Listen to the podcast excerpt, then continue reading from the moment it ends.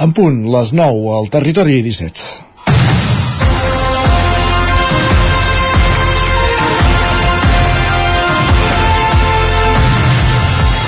Els termòmetres amb valors per sobre dels 30 graus marquen temperatures d'estiu en aquests primers dies d'octubre. Sense anar més lluny, aquests darrers dies a Roda de Ter s'ha arribat als 34,3 graus, a Gurba 33,2 i a Urís 33,1. Són registres elevats que, tot i que en els propers dies està previst que disminueixin, se sumen a un estiu marcat per episodis de calor intensa i pluja escassa. Boscos i conreus i així, així ho testimonien, però també zones enjardinades i arbrada en carrers de molts pobles i ciutats. A Manlleu, per exemple, tenen comptabilitzats 138 arbres morts nucli nucli urbà, tal com explicava dilluns el 9-9. Les mesures restrictives de reg vigents des del mes de maig, quan es va decretar la fase d'excepcionalitat per sequera a diverses conques internes de Catalunya, entre elles la de la capçalera del Ter, s'han han agreujat el problema. La solució, obligada per la necessitat d'estalviar aigua, s'ha convertit en letal per a molts arbres. Aquesta situació obliga els ajuntaments a situar la sequera a l'agenda política. Fa una dècada, segurament, no hi havia cap alcalde que patís per aquest tema. Ara, en canvi, la situació derivada del canvi climàtic amb onades de calor i escassetat d'aigua afecta a tothom. D'una banda, per la necessitat de dissenyar polítiques que garanteixin el que s'anomenen refugis climàtics, espais frescos durant l'estiu, però també per assegurar que quan obrim l'aixeta continuï regent aigua. L'estalvi és necessari. D'aigua no se'n pot moure tant. Activitats que en tenen un consum intensiu, com l'agricultura o la ramaderia, han d'innovar per reduir-lo. A partir d'ara, el que no sigui sostenible no serà viable. Tampoc a les cases particulars, tot i que el consum domèstic ja ha baixat. No hi ha gaire més marge de millora. A Osona, la sequera té una història. Al sud de la comarca va patir-ne episodis reiterats. Veïns de Tono o Centelles en tenen record. La portada d'aigües del Ter va permetre resoldre-ho, però no hi pot haver barra lliure. L'estalvi és necessari, però la millora de les infraestructures per evitar pèrdues pel mal estat de les canonades és bàsic. La crisi climàtica, malauradament, és una urgència que interpel·la a tothom.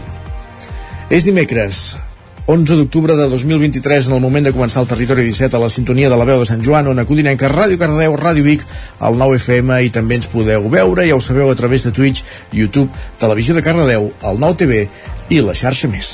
Territori 17.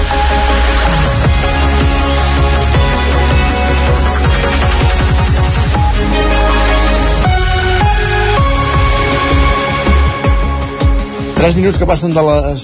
3 minuts encara no, que passen de les 9 del matí d'aquest matí de dimecres 11 d'octubre de 2023 en el moment de començar el Territori 17, el magazín de les comarques del Vallès Oriental, l'Osona, el Ripollès, el Moianès i el Lluçanès, que us fa companyia cada matí durant dues hores entre ara i les 11 des d'ara fins a les 11.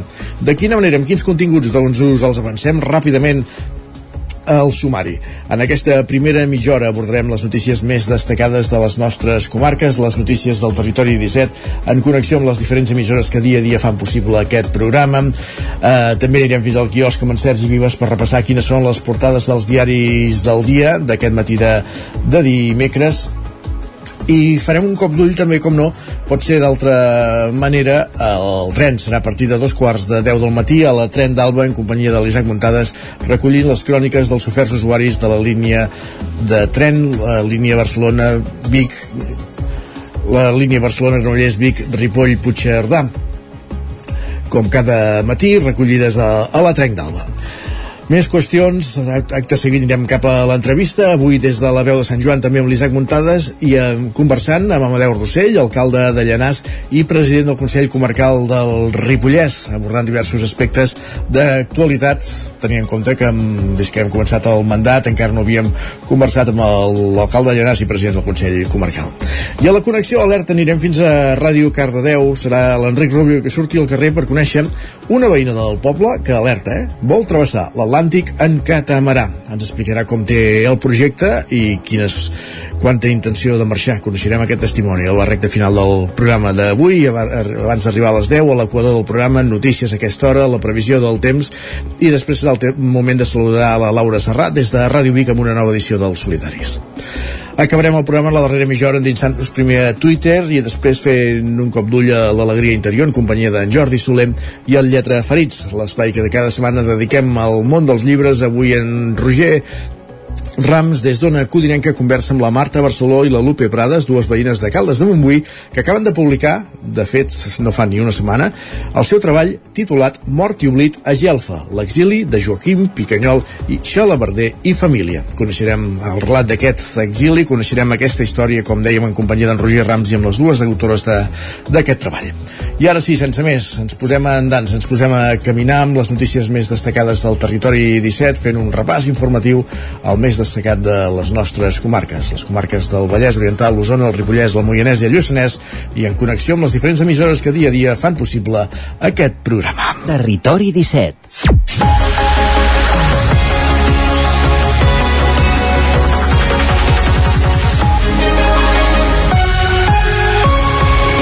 La Junta de Seguretat Local de Sant Feliu de Codines d'aquest dimecres tractarà les agressions de la Festa Major i l'intent d'assaltar la comissaria el passat divendres. Roger Ram, zona codinenca. Sí, la reunió se celebra avui dimecres i ha de servir per revisar l'estat de la seguretat al municipi i coordinar tots els serveis que hi estan implicats. La trobada estarà presidida per l'alcalde i responsable de l'àrea de seguretat, Pol Cabotí, i reunirà els comandaments dels diferents cossos de seguretat de la zona. Les juntes de seguretat local són periòdiques, però en aquest cas arriba després dels recents fets que han tingut lloc aquest divendres al vespre a la plaça Josep Humbert Ventura, en la que hi van succeir dues baralles en grup i hi va haver un intent d'assalt a la comissaria de la policia policia local, us ho explicàvem dilluns. Aquesta qüestió, sens dubte, serà central en la reunió. De fet, està previst que s'hi prenguin mesures per evitar que repeteixin fets similars. Tot plegat també servirà per abordar altres temes com els successos que es van viure durant la festa major de Sant Feliu o la supressió del decret que obligava a tancar els bars a la mitjanit. Pol Cabotí és l'alcalde i responsable de l'àrea de seguretat de Sant Feliu. Evidentment que això són situacions que ens, que ens preocupen, sobretot per, perquè compromet, també compromet la seguretat doncs, dels agents i dels treballadors que estan allà, i és un tema doncs, que, que tenim sobre la taula per, per buscar solucions. Aquesta setmana tenim Junta Local de Seguretat, on entre altres temes eh, valorarem la festa major, i valorarem altres temes com la derogació del decret de tancament de bars i altres temes que tenim sobre la taula. El fet de que això passés la setmana passada doncs, també sortirà a la Junta Local de Seguretat i aquí doncs, doncs veiem quines mesures haurem de prendre. A més, Cabotí explica que en aquesta ocasió s'hi ha convidat també a tots els partits polítics que formen el consistori amb l'objectiu que hi puguin participar i intervenir, encara que no tindran dret a vot, amb l'objectiu d'intercanviar propostes i evitar que es polititzi la seguretat. En aquesta Junta Local de Seguretat també hem convocat el, els grups de l'oposició com a convidats, en veu sense vot, perquè, perquè també entenem que la seguretat al final és un tema que, que on volem trobar el consens i on hem de fer un relat únic. És a dir, no volem que es converteixi en un tema doncs, on, on s'entregui rèdit polític, sinó que és un, que és un tema doncs, on tots hi hem d'estar implicats i tots volem, volem que tothom tingui veu perquè allà sigui l'espai on s'expressin els, el, els posicionaments i els dubtes per trobar les solucions de consens. Abans de la reunió, l'alcalde ja ha apuntat com un dels objectius acabar amb els torns únics a la policia local per tal que es produeixin situacions com les viscudes divendres en la que només un sol agent estava de servei cara més juntes locals de seguretat, en aquest cas la de Ripoll, anem cap a la veu de Sant Joan, Isaac Muntades, perquè aquesta junta local de seguretat tindrà membres de l'oposició amb veu, però sense vot. Com dèiem, anem cap a la veu de Sant Joan, Isaac Muntades. En el darrer ple de l'Ajuntament de Ripoll, l'oposició en bloc es va aliar per acordar la composició i periodicitat de la Junta Local de Seguretat, mentre que l'equip de govern d'Aliança Catalana es va abstenir. La Junta estarà presidida per l'alcaldessa Sílvia Oriols i també hi assistiran el cap policial dels Mossos d'Esquadra de l'ABP Ripollès, el cap de la Policia Local de Ripoll, els caps de la Guàrdia Civil i de la Policia Nacional que tinguin responsabilitats funcionals en el municipi i el secretari municipal de la corporació. La novetat principal és que també hi serà un representant de cada grup amb veu però sense vot. Així doncs, hi podran assistir Agustí Guillem Barranqueres d'Aliança Catalana, Manoli Vega de Junt, Chantal Pérez d'Esquerra Republicana, Enric Pérez del PSC, Marian Medel de l'Alternativa per Ripoll CUP i Joaquim Colomer de Somi Ripoll. Aquest òrgan es reunirà en sessions ordinàries cada quart dilluns dels mesos de gener, abril, juliol i octubre a les 4 de la tarda a la sala de govern de l'Ajuntament. Oriols va dir que la decisió era perfectament legítima, però va justificar l'abstenció del seu grup pel següent motiu. Considerem aquest acord com una mostra més de la beligerància de la resta de formacions polítiques que conformen el consistori contra l'equip de govern. La Junta Local de Seguretat Seguretat mai no havia inclòs representació de tots els partits de l'oposició i mai no s'havia reclamat ni debatut que hagués de ser així fins que Aliança Catalana va guanyar les eleccions. Mentre les eleccions les guanyaven tots vostès, sembla que no calia que l'oposició participés de la taula de seguretat. Però quan les eleccions les guanya Aliança Catalana,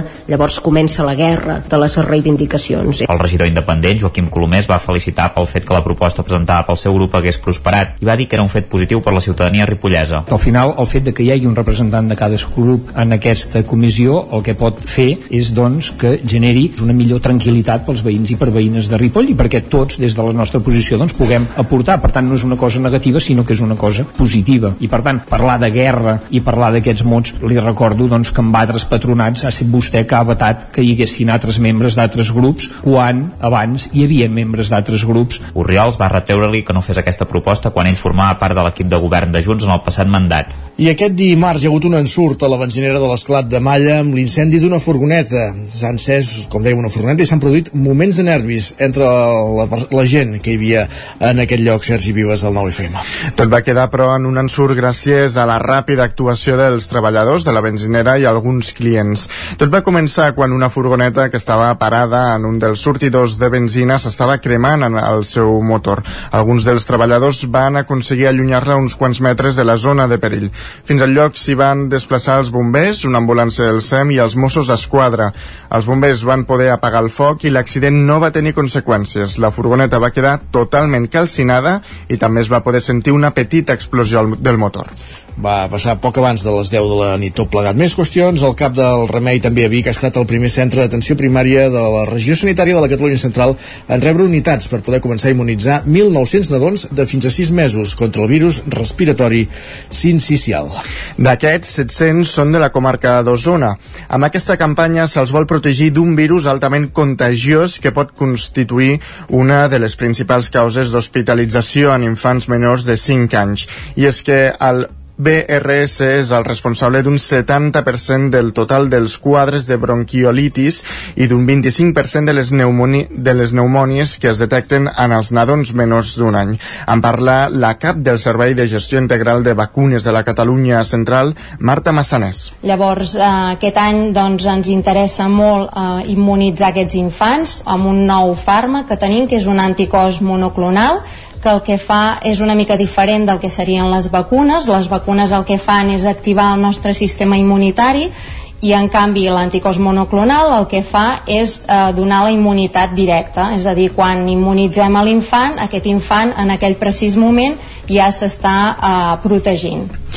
Una de les grans tasques que estan duent a terme aquests dies des dels centres d'atenció primària és la de difondre i aconseguir que aquesta campanya arribi a tota la ciutadania. Així ho explica Lídia Aulet, cap de pediatria del Cap del Remei. Els hi proposem ja ara ja des de que venen a la primera visita perquè aquesta vacuna es posa des de ja, des de que els rebem i informar-los doncs, de que l'UVRS és un virus molt molt contagiós que el pot agafar tots els lactants, no per ser un lactant sa no l'agafarà, o sigui, el risc de tenir un UVRS és distint i a més a més és tan contagiós com que 9 de cada 10 lactants es contagiaran de, de UVRS. L'any passat a Catalunya el virus respiratori sincicial va causar un total de 7.523 bronquiolitis en menors d'un any i va comportar més d'un miler d'hospitalitzacions. L'altra gran campanya de vacunació que ha arrencat és la de la grip i la Covid-19. Després d'una notable onada de contagis de Covid durant l'estiu, sense grans afectacions a la sanitat pública catalana, el dubte ara és com s'afronta la tardor i l'hivern. Imma Cervó, subdirectora general de Salut Pública a la Catalunya Central, assegura que el repte ara és tornar a explicar a la població que cal vacunar-se de nou és un repte tornar a explicar que la població diana, com deia, aquella que té una patologia de base, eh, població susceptible, major de 60 anys, eh, persones que tenen un problema d'immunitat, doncs s'han de vacunar per protegir-se.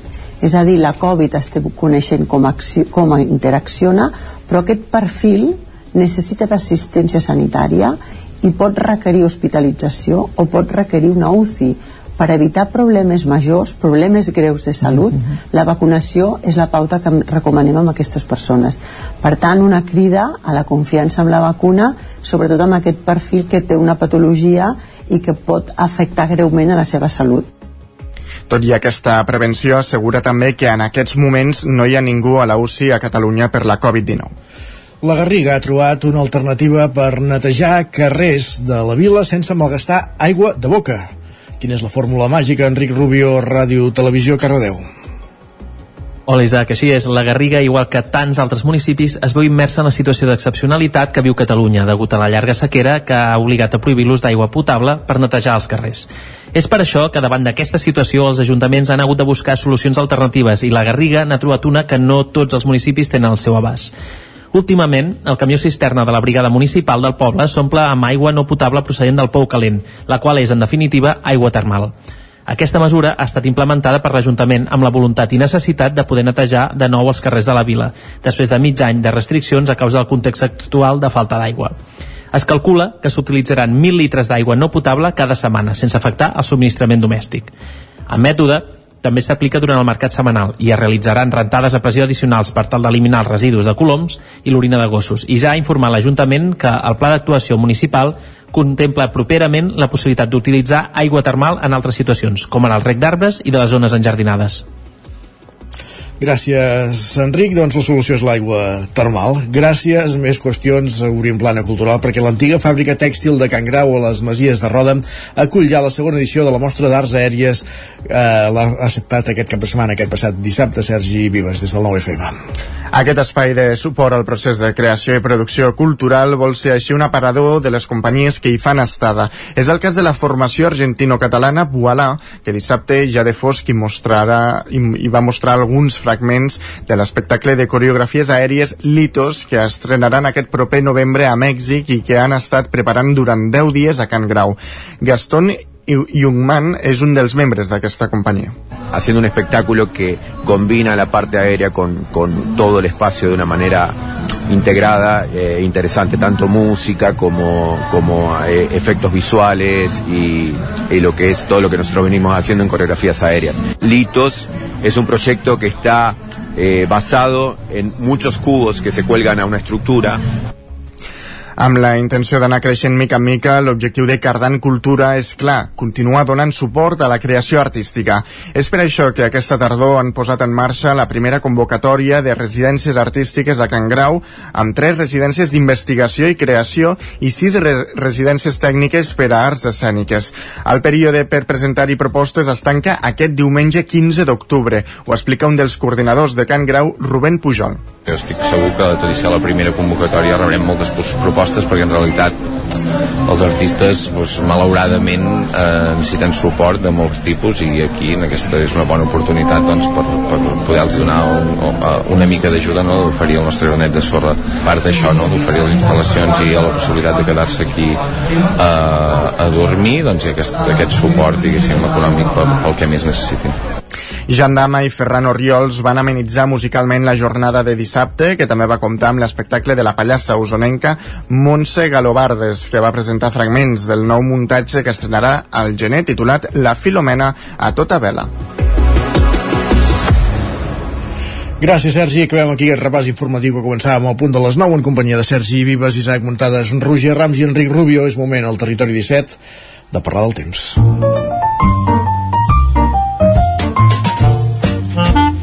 Casa Terradellos us ofereix el temps. Tornem a una codinenca, Pep Acosta. Bon dia. Molt bon dia. Com Benvinguts estàs? a l'espai del temps. Eufòric, avui ja ho veig. Què tal esteu? Com va la setmana? Bé, i tu? Avui, uh, dia, uh, dia estrany. Mm. Dia estrany, demà és festiu, uh, per Sempre tant molta gent uh, Sempre avui estarà pendent això. d'informació meteorològica. Sempre quan és uh, festiu s'ha d'estar una mica més atenta. Segur que teniu moltíssimes uh, coses a fer. Doncs bé, seguim amb aquest anticicló. Seguim, seguim amb aquest anticicló molt poderós eh, que està dictant la seva llei de temps a tota Europa Occidental des de fa aproximadament dos, tres, des de fa tres setmanes, eh? Més, més dues setmanes, més, més, més, més. Des de fa ja tres setmanes que el tenim a sobre, inamovible, i ens aporta això, eh, molta estabilitat, eh, cap precipitació i sobretot unes temperatures molt més altes del que seria normal. És un anticicló eh, càlid, eh, amb, amb, aires càlids el seu, eh, en, el seu, en la seva extensió i per tant ens trobem amb aquestes temperatures tan i tan altes ahir novament es van superar els 30 graus al nostre país eh, per tant les temperatures del tot del tot eh, desfassades. I tant avui com demà continuarà el mateix panorama, la mateixa situació. I seran dos dies, seran dos dies clavats. Eh, potser una mica més de fred al matí. Eh, o sigui les temperatures han baixat una mica. Hi ha més valors eh, per sota dels 15 graus en moltes poblacions de, de l'interior, de les comarques. eh, però vaja, encara són temperatures més altes del, del, del que tocaria. Eh, només una mica de fred novament cap a les valls i els cims més alts del Pirineu. Durant el dia tornarà a fer molt de sol a la que surti el sol tornarà a escalfar de valent i tant avui com demà les temperatures màximes la majoria entre els 25 i els 30 graus, puntualment superiors als 30 graus. Serà un, un sol, com deia, que tornarà a escalfar, que serà potent, eh, farà calor al migdia. Independentment, creixeran quatre nuvolades a les zones de muntanya del tot inofensives que no deixaran ni una precipitació. Tot, tot el contrari, sol, sol i molt de sol. Els mapes, eh, cada dia que passa, són una mica més optimistes eh, i, i es consolida, sembla ser que a partir de divendres i dissabte les coses poden començar a canviar. L'anticicló es pot anar debilitant i pot haver-hi una baixada de temperatures i algunes precipitacions.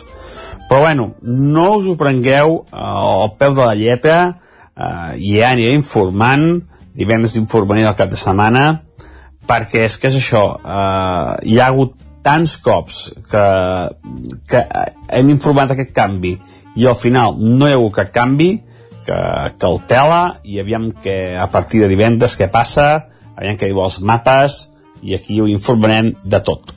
Moltes gràcies, adeu. Gràcies a tu, Pep. Parlem d'aquí una estoneta. Mentrestant, el que fem al territori 17 és anar cap al quiosc. Casa Tarradellas us ha ofert aquest espai perquè és moment de saber com són les portades dels diaris del dia.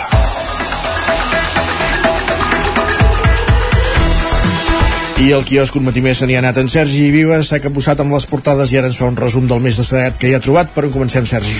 Així és, doncs, comença pel punt avui que encapça la portada amb el titular Les claus de l'amnistia expliquen que la proposta de sumar es basa en la, despo... en la desproporció de les penes als condemnats del procés. Sosté que l'Estat hauria pogut respondre políticament, però va tirar per la via judicial.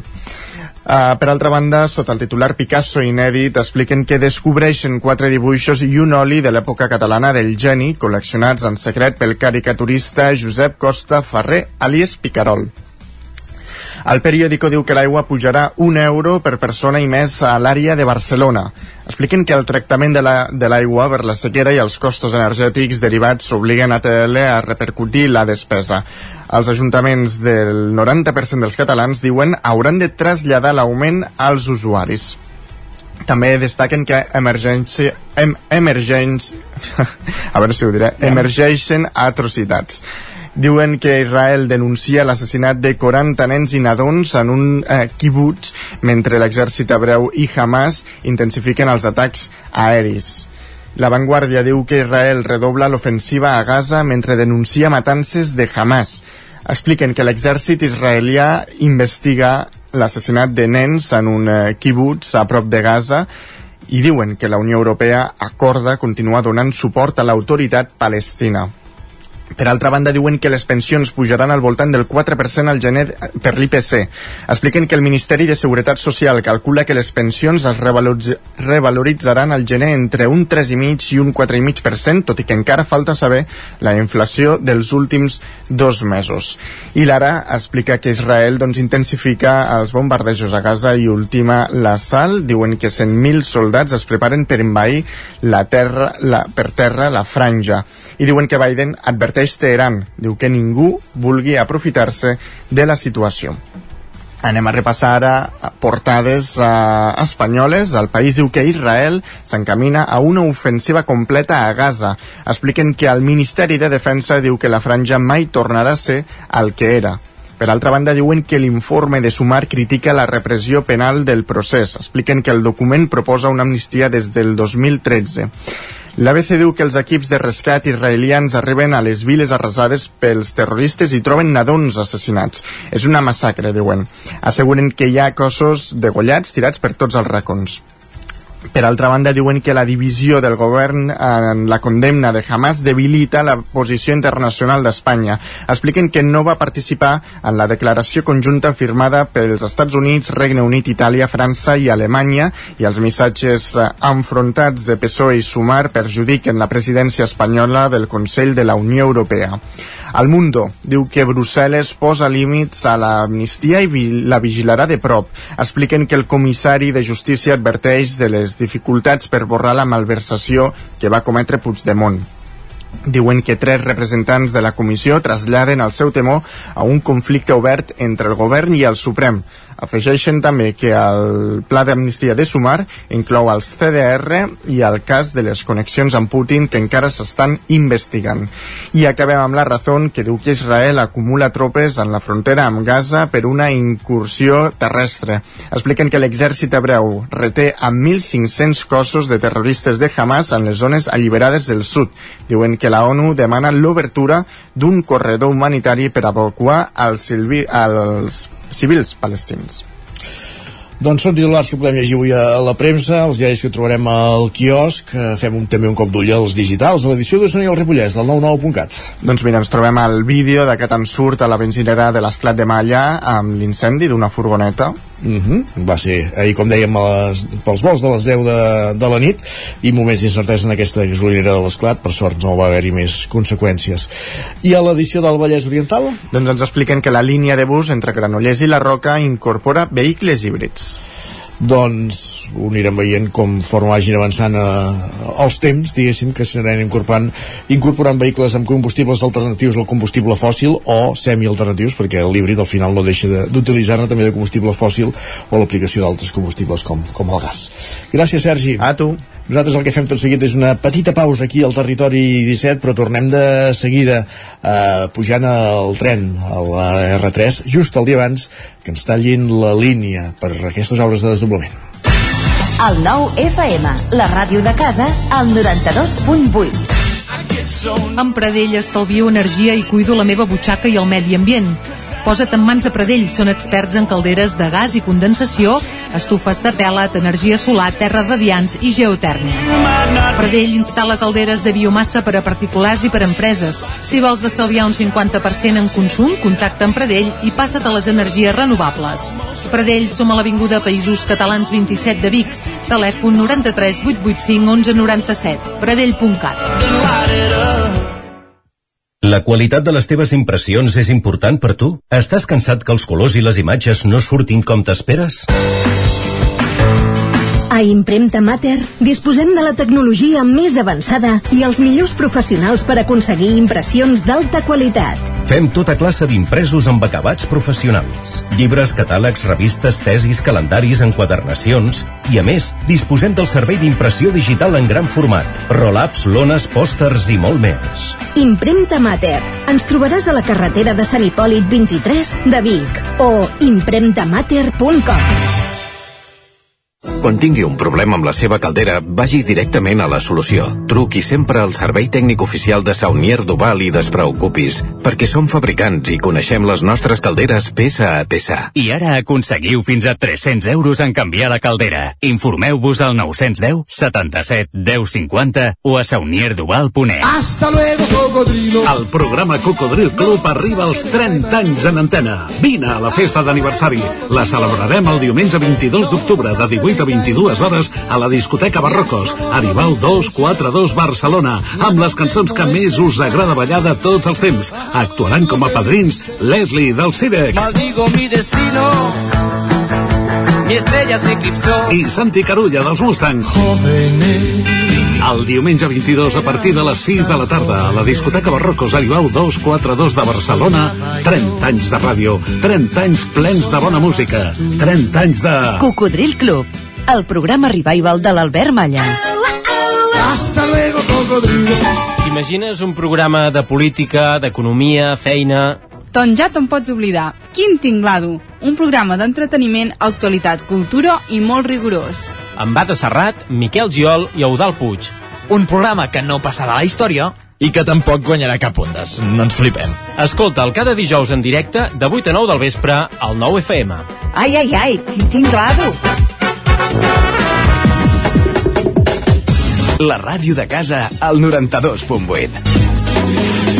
El 9 FM.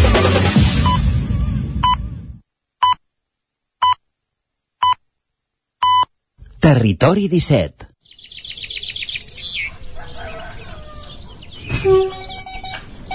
A Tren d'Alba.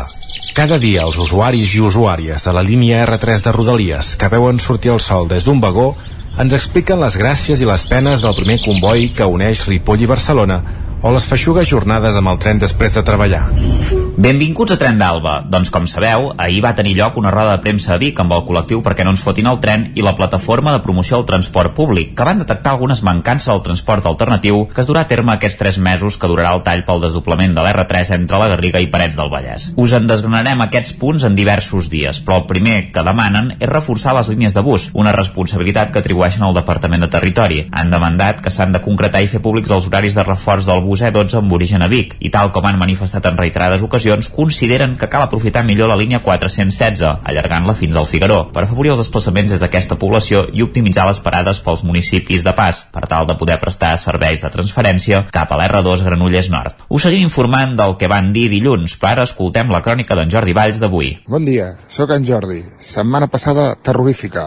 Aquesta anem a superar-la. Són reptes de Rodalia Renfe. No sé, fins i tot trobarem eh, divertit el tema del tall. Eh, un cop ens acostumem, eh, no ho sé, tan malament ho estan fent últimament, eh, Adif, Rodalies, Renfe, com no s'entenen, doncs així anem. Una cosa que no se'n parla, que tothom pensa que això continuarà, és que a primavera, si no recordo malament, es va anunciar que 31 de desembre s'acabava el tema de la subvenció pel transport ferroviari. Això què vol dir? Doncs que tornarem a pagar. I no és una decisió de la Generalitat ni una decisió de l'estat espanyol. A veure, aquí qui mana és qui posa la pasta, i qui posa la pasta és la Unió Europea. Per tant, estiguem amatents també a això, a veure quina sotregada ens fotran a totes les tarifes. Jo vaig amb integrada, però clar, de pagar la meitat a pagar sencer, hi ha molta diferència.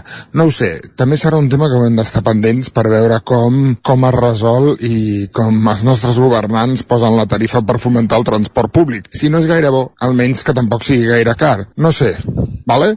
Vinga, cuideu-vos, adeu-siau. No et preocupis, Jordi, que segur que serà car i això que, com bé dius, si el servei és dolent, el preu hauria d'estar en sintonia i ser assequible. Això només provoca desmotivació entre la gent i que les persones prefereixin utilitzar el cotxe privat. Va, ens retrobem dilluns amb més històries del tren i de l'R3. Territori 17 Dos minuts i mig que passen de dos quarts de 10 del matí.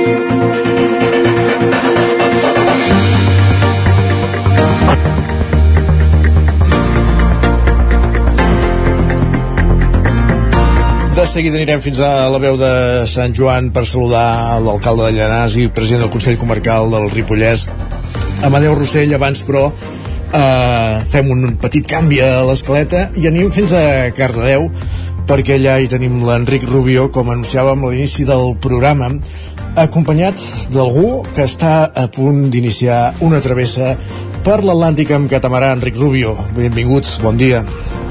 Hola, bon dia, Isaac, què tal? Com, Com esteu? estàs? Molt rebé, i mira, content de poder fer aquesta, aquesta connexió. Uh, anem a veure, Explica, la. Susana, Cavi... sí, la Susana Caviscol és una periodista carreuenca que sempre ha estat vinculada al mar de cor i d'aficions. Aquest any s'ha proposat passar-hi la temporada més llarga fins ara sense tocar terra, i és que ella i una amiga se'n van a creuar l'Atlàntic en catamarà. Carai. Però no ho faran soles. I, sí, sí, i és que no ho faran soles perquè el mètode que han escollit per fer-ho és curiós, pràctic, enriquidor i més ecològic que altres. Potser, Isaac, ens hi apuntem tu jo en una altra ocasió, ja ho veuràs. Sí, sí. O aquesta, eh? Compartiran és bona aquesta, sí, sí. Compartiran mitjà de transport amb persones amb el mateix objectiu. I per això avui l'hem volgut acompanyar, això sí, per terra, i és que estem anant cap a l'estació a buscar part de l'últim material que li cal per emprendre aquesta aventura que està a punt de començar. Bon dia, Susana. Hola, bon dia.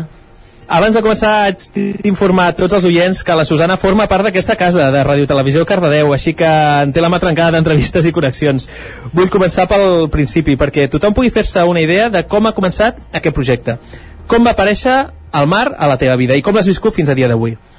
Bé, el mar mm, eh, l'he tingut sempre present des de que tinc memòria. Amb els meus pares sempre bueno, hem estiuejat a, al mar, no? fèiem molt les Illes Balears també i anàvem amb, amb amics i tal i dormíem a les cales, etc. Aleshores sempre he estat molt vinculada. Com va arribar aquesta aventura a les teves mans? De quina forma se't va aparèixer? Doncs aquesta aventura va arribar per la Carla, que és la, la meva amiga, de fet és la meva veïna, uh, veïna i amiga amb la que, bueno, que va tenir aquesta idea, no? Uh, nosaltres ens vam treure el patró d'embarcacions d'esbarjo ja fa uns anys uh, i ens faltava fer una part que era per poder anar a les Illes Balears, perquè ara mateix uh, només et pots moure fins a 12 milles de la costa. Ella va decidir fer, fer aquesta ampliació i jo no durant aquest, durant aquest viatge no, que va fer que l'ampliació és un cap de setmana d'anar a Mallorca i tornar amb, amb un valer ella finalment el va fer pel Delta però bé, va tenir com molt bon rotllo amb el, amb el professor, amb el capità i tal i, i li va comentar que volia volia anar a creuar l'Atlàntic. I bueno, li va dir pues, que era molt comú que hi havia molta gent que ho feia, que per internet es trobava tot i tal i res, dos dies després em va dir que s'ho estava mirant i li vaig dir, doncs marxo amb tu, no m'ho penso Pim-pam, eh? Això és uh, arribar i moldre. Ara sí, explica'ns, amb pèls i senyals, què és això d'anar a creuar contraries atlàntic amb catamarà. Si no tinc mal entès, passareu gairebé un mes sense veure, tocar ni albirar terra ferma, ja que en tot el trajecte, en aquesta zona que fareu, ara ens ho expliques també, no teniu ni un sol arxipèlag. No, exacte. Nosaltres el, el que farem serà... Bueno, participem en una, en una regata, que és la RC, vale, que creua l'Atlàntic des, de, des de Canàries fins a Santa Lucía o fins a Martinica, hi ha diferents destinacions, no? Nosaltres anem en el trajecte que va des de Canàries fins a, fins a Santa Lucía. Aleshores, eh, res, agafem un vol eh, de Barcelona a Canàries i, i anem cap allà. Uh, anem amb una família de Noruega que, que la Carla va trobar per internet a través d'una agència que es dedica a posar en contacte doncs, gent que vol navegar i gent que té vaixell i necessita tripulació. Aleshores, d'entrada, uh, no ens motivava gaire que fos un catamarà perquè nosaltres ens venia més de gust fer un valer, però bueno, des de l'agència eh, la van trucar i li van dir escolta que és un, un cas especial perquè són, són uns amics que eh, els coneixem, no? són una família eh, que estan fent com la volta al món no? amb catamarà i, i de fet o sigui, és, és la dona, o sigui, el pare i dues nenes petites de 7 i 8 anys que, que porten ja mesos vivint a bord de, del catamarà i, i van navegant, ara de moment han fet el Mediterrani i ara ja estan ells eh, fent Atlàntic cap a, cap a Canàries Déu nhi déu segur que per ells també és una aventura i potser inclús alguna cosa nova també eh, en el seu aspecte, també compartir doncs, viatge no? amb, amb un parell de, de persones. Falta pràcticament un mes just per marxar, que et queda, què et queda per fer? Com estructures aquests dies que et deu semblar que és gairebé demà passat? No és? Sí, aviam, de fet, em queden com moltes coses per fer. Just ahir van arribar les armilles salvavides, que les van a buscar la Carla. Ens falta um, comprar l'AIS, que és com un, un dispositiu perquè ens puguin localitzar en cas de que, bueno, que passi alguna cosa, que caiem a l'aigua, etc. I, i bueno, comprar-me roba, no? equipament tècnic per, per poder fer la travessa en cas de que hi hagi mala mar, de, bueno, que hi hagi pluja, vent, etc per, pues, per estar coberta i, i la línia de vida. De moment, si aconsegueixo tenir això um, un parell de setmanes abans de, de marxar ja, ja estaria. déu nhi perquè més és molta la cosa que t'has d'endur, de, i, però clar, des d'aquí fins a Canàries aneu amb, amb avió, si no tinc mal entès. Llavors, com gestioneu això? Perquè ara amb un catamarà és molt gran i caben moltes coses, però el trajecte fins allà uh, ho feu amb avió. Com, com ho porteu? Sí, ho fem amb avió i de fet, eh, bueno, com que ens costava una pasta, hem decidit no facturar maletes, aleshores podem anar amb dues, amb dues maletes, la de mà i, i la de cabina, aleshores tindrem un, un... Bueno, haurem de fer molta feina per gestionar l'espai i, i bé, portar el mínim possible i només l'imprescindible. De fet, ells al catamarà tenen rentadora, aleshores podrem rentar roba i, i tal i no... Tampoc necessitarem moltes coses, en veritat. Sí que és cert que tampoc tindrem moltes coses a fer perquè fem guàrdies, no? Fem dues hores de fem tres torns de dues hores de guàrdies al dia, si no m'equivoco, aleshores eh, bueno, doncs durant aquestes dues hores sí que has d'estar com pendent de la navegació, de que tot, no, tot està bé, anar controlant, que no, que no hi ha res a prop, etc. Uh, la resta del dia és tot per nosaltres. Aleshores des de llegir a gravar, que espero gravar moltes coses, encara que sigui molta aigua. Uh, no sé, pensar, de fet crec que serà bastant bueno, de reflexionar el viatge riu-te'n dels turistes que tenen problemes per portar ensaïmades des de Mallorca, eh? O sigui, déu nhi Com enfrontes psicològicament la, la travessa? I també físicament, ja que, com ara deies, estar alta mar pot ser molt sedentari, però alhora i al cap d'uns moments extremadament físic, oi que sí?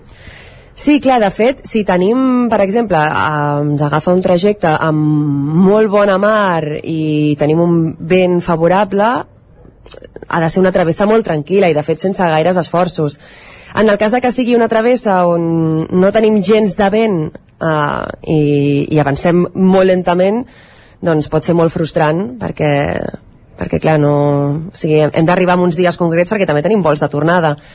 Um, i també és, bueno, és això és frustrant perquè veus que no, que no avances no? que et queden moltes milles per arribar i que, i que no tens res a fer i no, no pots avançar de cap de les maneres i si ens agafa una travessa um, molt de vent i molta mala mar, doncs eh, l'exercici físic, més que exercici físic és que estàs en tensió constantment, no?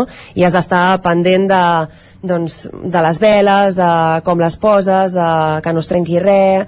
Al final, sí que és cert que un catamara és molt més estable que un valer, que un valer, quan hi ha mala mar, sí que té com molt moviment, el catamara també, però és un moviment diferent. Però bé, no sabem, en principi aquesta època és la millor, um, per anar cap a l'Atlàntic, perquè ens agafen els vents alisis i aleshores ens acompanyen, no? ens entren per la, per la popa i ens acompanyen a arribar fins, a, fins al Carib però clar, amb tot això del canvi climàtic sí, és una zona de confort molt, molt variable realment avui dia que, que poden sorgir imprevistos. Sens dubte és una aventura amb majúscules però no em passa per alt que ho direu de valent la mare de la família, si tinc ben entès, eh, ara ens ho expliques, és xef ell, el pare de família, pesca. Tindreu barbacoa a l'exterior, a part d'una bona cuina dins i uns bons vinets. Aventura i en tots els perills de creuar mig món en solitari, però gaudint i fent rabieta tots els que ens quedem a terra ferma. Digue'ns una miqueta com és un catamarà, perquè potser hi ha molta gent que no s'imagina els vaixells, si per alguna cosa es caracteritzen és perquè no et pots fer l'idea com són de dins, només veure'ls des de l'exterior, què serà aquesta casa flotant? Bé, el catamarà és, és molt gran, de fet crec que fa uns 16 metres d'eslora, no?, de llargada, que és, és bastant gran, i la veritat és que sembla que anem en un, en un resort, perquè és el que deies, tenen barbacoa, tenen rentadora, uh, bueno, ella és xef, és a dir, mm, jo crec que millor no, no ens hem pogut muntar. Sí que és cert que al principi pensàvem que tindríem com una part més d'aventura perquè pensàvem que tampoc tindríem internet, que no estaríem connectats i ells sí que tenen, fan servir el Starlink, aquest, no sé si dic bé, sí. um, i aleshores potser no durant tots els dies, però sí que podrem anar connectant, no? Que imagino que per ells també era important tenir-lo més que res perquè si no estaven completament desconnectats de, de tot, no? I de tothom i de, de la família. Aleshores, aquesta part de, d'aventura, no? d'estar incomunicat, la perdem, però sí que és cert que, bueno, que l'aventura de creuar l'Atlàntic la, la seguim tenint. tant, bueno, doncs aquí t'emplaço i bueno, ara ho comentarem amb l'Isaac, no sé què et sembla, una aventura, una connexió des del mig de l'Atlàntic en territori 17, podria estar bé, oi que sí? I tant, fantàstic. Quin dia això? Ja, ja posem, comencem a posar data ja al calendari escolta, meitats de finals de novembre, potser? El, el 16 de novembre agafo el vol, el 19 de novembre comença la, la regata. Estem, estem actius, Territori 17, i tant. uh, la família amb la que vas, uh, són dues nenes i, i els dos pares de família. Com us heu comunicat durant aquest temps? Perquè, clar, no us coneixíeu prèviament. Llavors, uh, entenc que per part d'ells posant dues persones desconegudes a casa seva també en dos uh, nenes petites no és senzill, no és fàcil, igual que per vosaltres uh, que sou dues amigues que aneu amb una família desconeguda com ha estat aquesta relació, que potser és la part més, més fonamental no, de tot el projecte? Sí, de fet, eh, com t'he dit abans, al principi no volíem fer catamarà, sinó que volíem fer valer, però el fet que fos una família, per nosaltres també va ser com... Ostres, potser que hi parem atenció i ens ho pensem, perquè al final el mar és un món d'homes. Aleshores érem dues noies eh, ficant-nos en un valer amb, no sé, 4, 5, 6, 7 homes, depèn dels que hi anessin, no? I mm, al final ens va tirar molt que fos una família. I a ells eh, els hi va passar el mateix, que el fet de ser dues dones també els hi va, no? Els, els va ajudar a decidir-se. Uh, van fer videotrucada, van fer, bueno, la primera per conèixer-nos, uh, van dir que, bueno, que, el, que els havia semblat que hi havia com bones vibracions i vam fer un parell més i, i ja està, ja de fet, o sigui, vam signar un contracte amb ells i, i res més. Ara suposo que farem alguna abans de d'anar-nos cap allà per, bueno, per assegurar-nos de, de que tot està bé, però, però sí, sí, ha sigut via videotrucades. I l'idioma entenc que res de català, eh, com porteu això també? Perquè si fos en el meu cas, ja et dic que, Isaac, també t'aviso, mai em facis una connexió amb anglès perquè sortirem malament. no, clar, de fet... Ja, ja eh, uh, tot en anglès, tot en anglès. Mm, no sé, la veritat és que volia com posar-me bastant les piles i, i començar a mirar sèries no? i pel·lícules en anglès i llegir una mica i tal, però se m'està menjant el temps, aleshores serà una mica l'aventura. I ja per acabar, perquè crec que no ens queda gaire temps, però uh, on arribeu? Perquè és un lloc realment molt espectacular després de 22 dies a, a alta mar. Doncs arribem a Santa Lucía, que és una illa del Carib eh, espectacular, i que espero que puguem gaudir perquè, clar, depèn de, del vent, trigarem més o menys dies.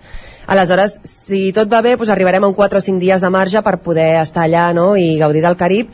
Si no, doncs ens tocarà arribar i agafar el, el vol directe cap a Londres i després cap a Barcelona. Això anava a dir perquè tornar no és ni, ni nedant ni a catamaran de pocs, no. torneu, evidentment, amb avió de tornada. Sí, sí, sí, exacte, tornem amb avió. Molt bé. Isaac, volies comentar-li alguna coseta més per acabar la connexió? Crec que ja estem una mica fora de temps, oi que sí? Desitjar-li molt bon viatge. Però, bueno, ja tindrem temps de parlar abans de marxar. Oh, i tant que sí. Gràcies, Enric, i gràcies, a Susana, i, com deia, molta sort en aquesta eh, empresa, en aquesta iniciativa. I tant que sí, la seguirem ben atentament. Moltes gràcies. Gràcies, Susana, bon dia. I nosaltres que continuem al territori 17 i ara sí que, com avançàvem, anem cap a la veu de Sant Joan, després de conèixer aquest projecte de la Susana Cabiscol de Cardedeu, de viatjar, de travessar l'Atlàntic amb un catamarà, n'hem conegut tots els detalls i ara parlem de la situació política del Ripollès amb el seu president del Consell Comarcal, l'Amadeu Rossell, que alhora també és l'alcalde de Llanàs.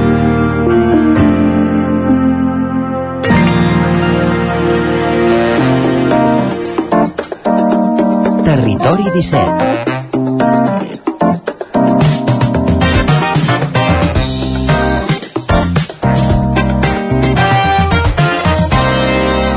Minut i mig que passen de 3 quarts de 10 al matí.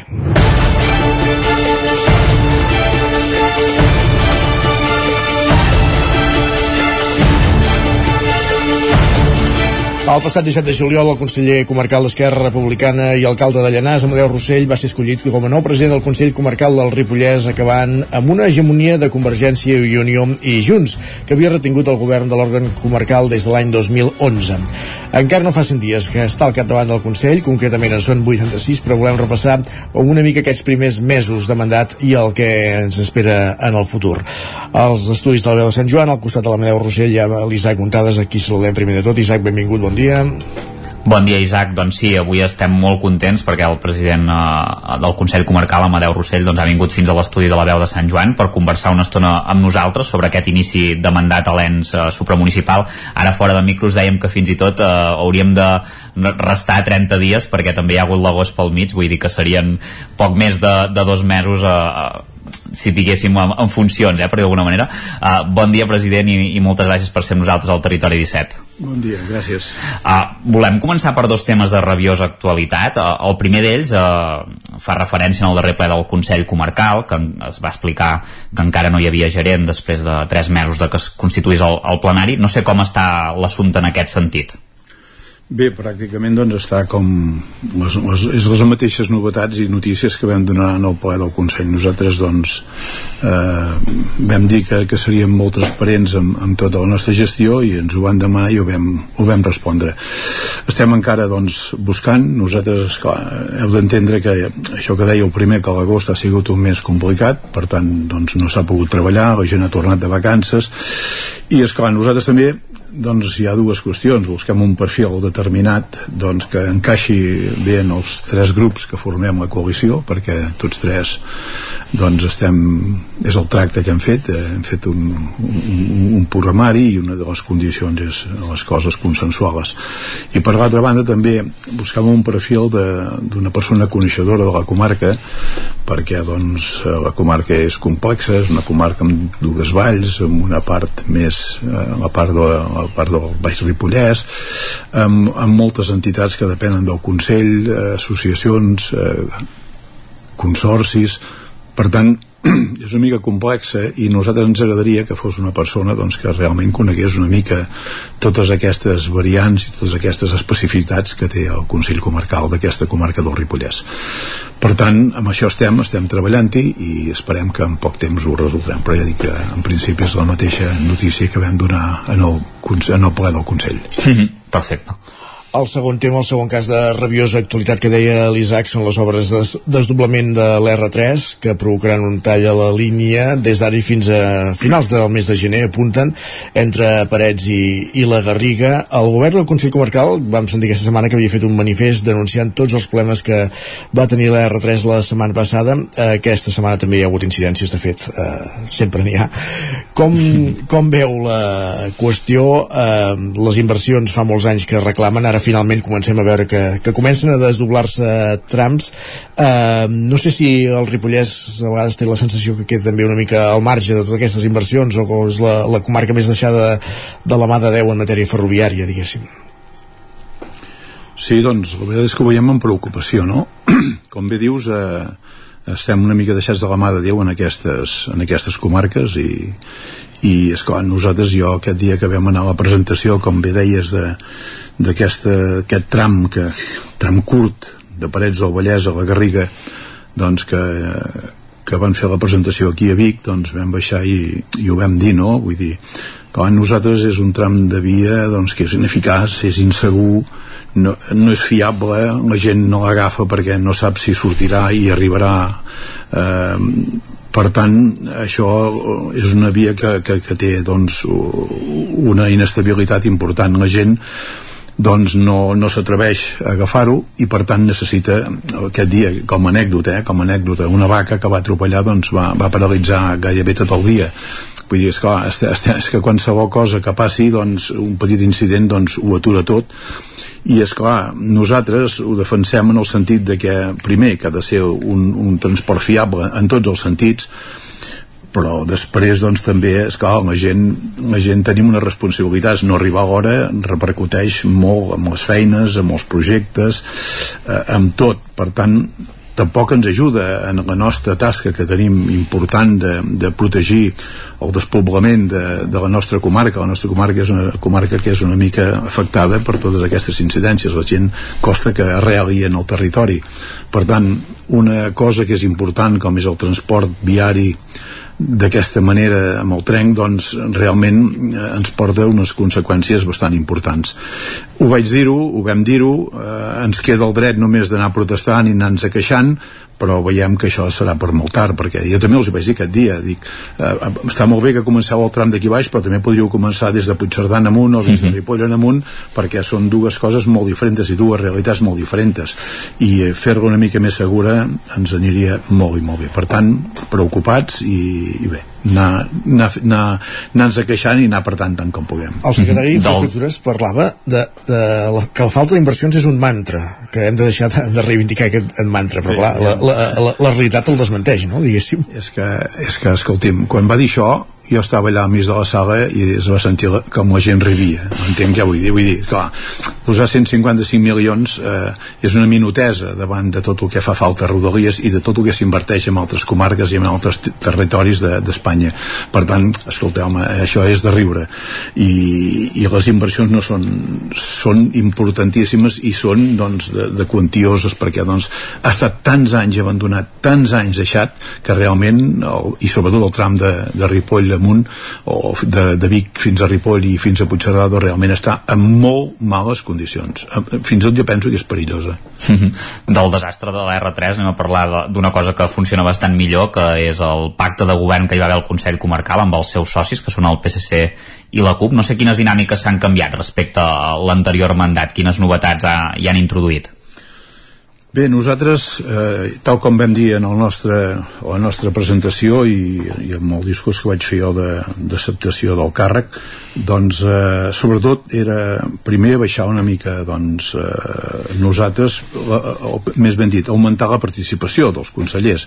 Vull dir que eh, vàrem dir i vaig dir que no seria un mandat presidencialista, per tant nosaltres el que estem fent en aquest moment és eh, organitzar tot el tema intern amb els consellers, eh, amb les àrees, que cadascun és responsable i donem absoluta eh, responsabilitat a tots els consellers amb les seves àrees que treballin i després doncs, les coses les posem en comú i això em penso que, que la gent del Consell ho ha vist que hi ha una manera de treballar molt diferent i sobretot amb els socis nous que com bé dius amb, amb els del BCC la CUP doncs realment des del minut 1 des del minut o del minut menys 1 ens hem posat d'acord i realment penso doncs, que, que, que la relació és molt bona i fluida i el treball és, és eficaç això no vol dir que aniran sortint i sortiran coses, perquè evidentment doncs, en les coalicions sempre hi ha cosetes, però en principi la nostra voluntat és que això tiri endavant d'una manera molt cordial i, i jo penso que si és, el, la, la relació és cordial, el treball també serà molt més efectiu. Per tant, és, és allà on tenim. Aquest és el pacte que hi ha hagut, però no va ser el primer que es va anunciar. De fet, recordem que molts inicis de post-eleccions de, de seguida es va haver un acord entre Esquerra i Junts que no es va acabar materialitzant. No sé si aquí va influir el tema de, de Ripoll o què, què va acabar passant aquí? Tot influeix, evidentment. Eh, el tema de Ripoll influeix perquè va ser, va ser, jo penso, una situació complicada i que es, es va solucionar com es va solucionar. De totes maneres, nosaltres, la, les primeres, sempre, la primera intenció va ser des, separar les dues coses, separar l'Ajuntament de Ripoll amb els pactes del, del Consell Comarcal. Jo penso que, que, que no tirés endavant el pacte aquest amb Junts no va ser, no va ser per qüestió d'aquesta, sinó que van ser altres qüestions que, que, que, que, que van passar també i que jo ja t'avanço que no va ser per culpa d'Esquerra ah, no descarten que en un futur es pugui incorporar junts o, o, o ho veuen complicat eh, d'entrada? No, nosaltres, nosaltres hem ofert la mà estesa a Junts i, i ho vam dir des del, des del primer moment i, i ho fem, eh, comentem, parlem coses i fins i tot hem arribat a algun consens encara petits perquè aquests temps que no hem tingut massa temps.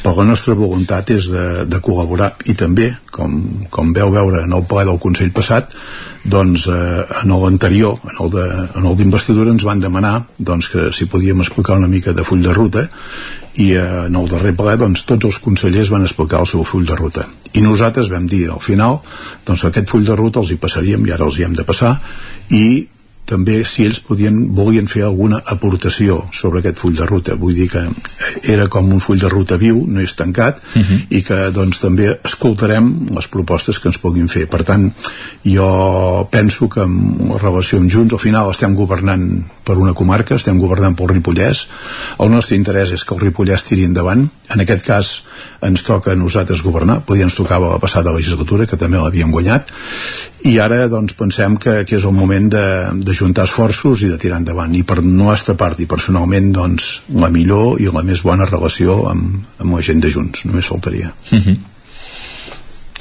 Tam també no, aprofitant això eh, hi ha el tema de de la relació amb l'alcaldessa de Ripoll, ara que comentava una mica el tema de Ripoll, aprofitant això, eh, uh, hi haurà de tenir molt de tracte al llarg d'aquest mandat, és, és obvi, aparentment als plens la relació sembla cordial, és, és bona per lo que s'ha vist al Consell d'Alcaldes, però també al Consell Comarcal, uh, com és la relació? Bé, jo, jo la veritat és que, clar, doncs, després, després de, les, de les eleccions municipals, doncs, eh, les coses estaven com una mica motivants i, i una mica estranyes, no? Jo el que vaig fer, com he fet amb altres alcaldes, va ser anar, anar a visitar quan vaig ser escollit i, i vaig anar al seu despatx, a l'Ajuntament, i, i, i vam parlar. I jo li vaig parlar les meves intencions i ella també va dir les seves i per tant totes doncs la majoria jo podria dir que la, la majoria de de pensament doncs, és, és el mateix o d'intencions diguem-ne. Sí que hi haurà algun punt que, que segurament doncs, serem discordants eh, llavors ho haurem de tractar i haurem de veure si arribem a un acord. Però en principi la, la meva intenció és de cap, cap tipus de d'enfrontament, cap ni mica i jo li vaig dir que per esbarallar-se n'hi ha d'haver dos i en aquest cas a mi no m'hi trobarà o no m'hi trobarà ni ell ni ningú. Vull dir que no, no, no, no és, penso que no és la millor. I a més a més ella també té intenció doncs, de tirar endavant per, per el poble, per la vila de Ripoll. Per tant eh, sí que podem tenir alguna, alguna, algun moment de desencontre però jo el que penso és que de moment no hi és, de moment la relació és bona, és fluida i com, com ha de ser amb qualsevol alcalde de, del Ripollès, ni més ni menys. Uh -huh. Durant aquests primers mesos de mandat, un altre dels temes que ja s'ha posat sobre la taula és el de la gestió dels residus. Ara han començat les obres per fer la planta de, de lixiviats a, a l'abocador Ripollès R3 des del seu punt de vista, quin ha de ser el model de gestió de residus a, al Ripollès? Ho dic perquè des de la distància, des d'aquí de, des Osona, a vegades fa la sensació que és, que és estrany que, que un model que ja s'ha anat provant, tastant, i que, per exemple, aquí a la comarca està implantat en diversos municipis, com és el Porta a Porta, el Ripollès només hi, sigui en, en un. Eh, quin, ha, quin ha de ser, des del seu punt de vista, el, uh, el model? Jo, eh, esclar, aquí som 19 pobles i, i les realitats de cada poble és molt diferent i això ho hem discutit moltíssimes vegades en els plans per tant, de, després de d'explorar tots els sistemes, cada ajuntament decideix una mica el, el tipus de, de recollida o, i molts programes sobretot en pobles com nosaltres que som pobles turístics. Nosaltres, jo per exemple, hi puc parlar de la meva realitat de Llanars. Llanars doncs eh, som 560 habitants però podem arribar als 2.500 o 3.000 eh, en caps de setmanes o amb temps de, de, de gran afluència, com pot ser Puríssima, pot ser Nadal, pot ser estiu. Aquesta gent no s'espera tota la setmana aquí, ells quan marxen el diumenge a la tarda, doncs els residus que tenen els tenen de llançar. Per tant, eh, no guardaran a fora que passi el, a recollir la selectiva, els envasos, tot, tot com és un porta a porta per tant, nosaltres ho hem rumiat moltes vegades, ho hem pensat i pensem que, per exemple, per un poble com el nostre no seria efectiu un porta a porta perquè què faria la gent? Doncs ho agafaria les deixalles i les tirarien al poble veí com també penso que passa aquí a Sant Joan a vegades mm. també, vull dir que no hi ha coses que no es llencen ben bé a Sant Joan sinó... per tant, des, de, des del minut 1 nosaltres eh, a, a nivell de Ripollès es va, es va quedar doncs, eh, que cada, cada poble faria una mica doncs, el, el que ell pensava de fer si bé entenem eh, que el porta a porta és el millor i el que recicla més. Nosaltres pensem que una de les maneres que podria, podria funcionar doncs, seria pagar en facció de, de, de la generació de residus, és a dir, premiar a la gent que recicli més. I això sí que ho tenim clar i això és el que entenem. Hi han moltes ara, doncs, per exemple, es parla dels contenidors tancats que sí que tingui accedir amb targeta que, que tingui un codi QR per, per, per, per intentar que la, que, la, que la gestió sigui molt millor jo, jo això, de les... em disculpa, sí. com a turista m'ho he trobat, per exemple, al País Basc, els contenidors intel·ligents. Mm. Per tant, suposo que seria un, sí. un model aplicable, no?, en aquests casos. Sí, nosaltres, nosaltres estem, estem, estem pensant en això i estem de fer proves i estem, bueno, ja s'ha començat a fer coses aquest, en aquest sentit, ja s'està parlant. Per tant, eh, és una de les possibilitats. Um, quina podem fer al final? No ho sé, però anem per aquest camí. És el que em, el que em demanava i jo penso que hem d'anar una mica aquí. Sobretot, eh, conscienciar la gent, sobretot això, que, que el reciclatge és bàsic i serà bàsic en el futur. És un dels temes, jo sempre dic que l'aigua i els residus seran els, mm -hmm. els temes estrella que tenim com a reptes per davant i per tant és un tema que hem d'estar molt, molt, molt atents i molt curosos a l'hora de fer les propostes. Mm -hmm. Sempre hi ha, hi ha hagut un, un mantra que es diu que el pressupost del Consell Comarcal és, és molt finalista, però com tots els partits que estan al capdavant del, del Consell, m'imagino que vostès voldran posar-hi uh, el seu accent polític. No sé si hi ha algunes prioritats en aquest sentit, uh, sobretot, per exemple, estic pensant en, en l'àmbit social, no? Bueno, sí, bé, nosaltres eh, nosaltres el, que, el tema social és, és un dels temes estrella que pot haver-hi també i, i a més a més, com deies abans també amb el tema de Ripoll i amb el tema d'aquestes qüestions. Nosaltres ja, ja hem començat a treballar-hi i sobretot nosaltres el que el que, el que sí treballarem i, i, i, hem, ja ho hem posat doncs és el, la nova àrea d'igualtat i feminisme que és una de les àrees que per nosaltres té, té una importància capdalt i per tant doncs nosaltres és el que, el que pensem fer i, i treballar molt, molt, molt i molt i molt altres coses que també volem fer així eh, a gran tret, doncs, és, que també ho hem dit en el nostre programa, és el suport als pobles petits, eh, sense oblidar, per, per tant, sempre sense oblidar els grans, però pensant doncs, que els grans ja tenen molts més recursos, per tant, eh, nosaltres hem de també donar un, un especial suport als pobles petits que no en tenen tant i sobretot evitar doncs, que, que els pobles petits doncs, perdin benestar en el sentit de perdre serveis. Com més serveis es perd en un poble doncs més, més benestar es perd. Per tant eh, actuarem i, i mirarem d'anar resolvent i anar fent propostes perquè això no, no passi. I ja per últim, abans quan parlàvem de, de la gestió de les deixalles parlava de, del turisme. Eh, el turisme evidentment és important pel Ripollès hi ha una estratègia conjunta a nivell de comarca s'ha d'abordar això, diguéssim eh, s'ha de tractar a nivell sí. de comarca fer una estratègia conjunta de turisme Bé, penseu que, que és el que us deia abans, eh, no és cap excusa, però fa molt poc que estem al govern i per tant no hem pogut abordar totes les àrees que nosaltres volem, però sí que les hem començat a estudiar i, i, i ja sí, a fer gestions i tal.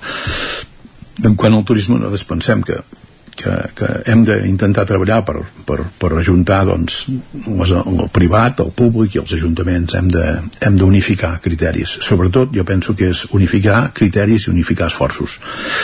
També veiem que, que, que de vegades es dupliquen molts recursos i també repeteixo els esforços.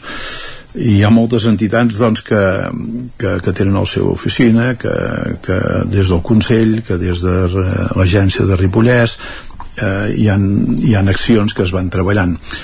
Pensem que el millor seria doncs, començar eh, a fer un bon repàs de tot, eh, intentar ajuntar-ho, intentar sumar esforços, no duplicar-los sobretot, perquè també per, perdem recursos, i una mica jo penso que és el que, el que hem de fer, proposar una mena de taula de treball, eh, sobretot per treballar junts, doncs, com us deia, el Consell, l'agència, UIER, eh, entitats, eh, oficines, vull dir, hi ha molta gent que hi treballa i penso que posant-se d'acord i, i sobretot eh, aglutinar els esforços seria el principal per, per, per atacar diguéssim aquest, aquest tema de, del turisme Amadeu Rossell, eh, president del Consell Comarcal del Ripollès, alcalde de Llanàs, ens han quedat moltes coses al tinter, haurem de deixar per un altre dia perquè també se'ns ha esgotat el temps. Gràcies per, pel temps, gràcies per ser avui aquí al territori 17 i això, ens emplacem a una nova a, a un nou dia, diguéssim, per tornar-la per continuar parlant. Moltíssimes gràcies.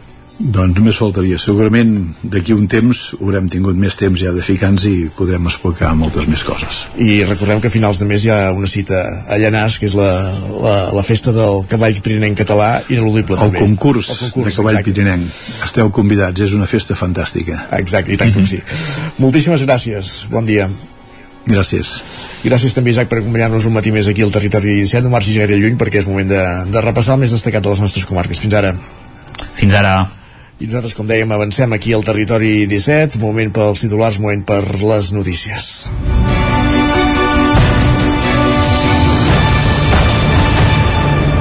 Perquè ara mateix passen 7 minuts de les 10 del matí. Territori 17.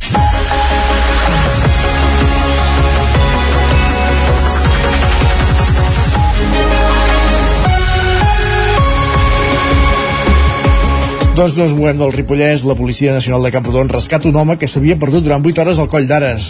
Ho explica, com no, l'Isaac Muntades des de la veu de Sant Joan. Agents de la Policia Nacional de Camprodon van localitzar un ciutadà francès que havia desaparegut a Coll d'Ares, Molló, a la zona muntanyosa a la frontera amb França. Els fets van tenir lloc el passat d'octubre mentre alguns funcionaris del cos estaven per aquell indret fent controls amb motius de la reunió informal de caps d'estat o de govern dels 27 del Consell Europeu. Mentre feien el servei, els funcionaris van ser requerits per dos ciutadans francesos francesos que els alertaven que cap a dos quarts de deu del matí d'aquell dia havien anat a Coll d'Ares a fer una excursió amb el seu amic, però l'havien perdut de vista al moment. L'home d'uns 40 anys no portava telèfon mòbil ni roba d'abrigar, per la qual cosa es va intensificar la cerca per les baixes temperatures que hi ha quan cau la nit. En paral·lel, des de la comissaria de Camprodon van avisar emergències al 112, activant així el protocol per persones desaparegudes. També es van mobilitzar els bombers i altres autoritats franceses. Al final el van trobar uns agents de la Policia Nacional a la C-38 al cap de 8 hores. Estava a 16 quilòmetres de la zona persona on es va perdre. L'home estava desorientat i presentava esgarrinxades a cames i braços. Tot i això, no va requerir assistència sanitària. Ho vam dir ahir, en vam parlar al racó de pensar. Ahir 10 d'octubre es commemorava el Dia Mundial de la Salut Mental, que en l'edició d'aquest any es focalitza en la conscienciació sobre la salut mental i reivindicar-la com un dret humà universal. Sergi Vives, al 9FM. I al Caposona de l'Institut Català de la Salut, un grup de persones aborden de manera conjunta l'ansietat i la depressió lleu. Ho fan 12 sessions grupals que duren uns 90 minuts cadascuna i en què els assistents fan xarxa i aprenen també eines per millorar la seva salut mental. L'Amparo Martínez explica com hi va fer cap i com l'ha ajudat.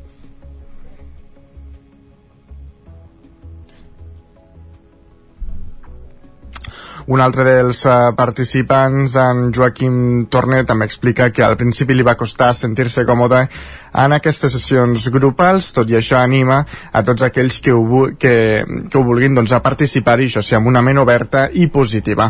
Altres participants asseguren que és essencial conèixer les emocions d'un mateix i assumir que les persones no són perfectes. I encara dins del Dia Mundial de la Salut Mental, el cap del Vallès Oriental ha començat una iniciativa en què a través de cinefòrums pretenen abordar, abordar la salut mental d'infants i joves. Enric Rubio, des de Ràdio Televisió Cardedeu.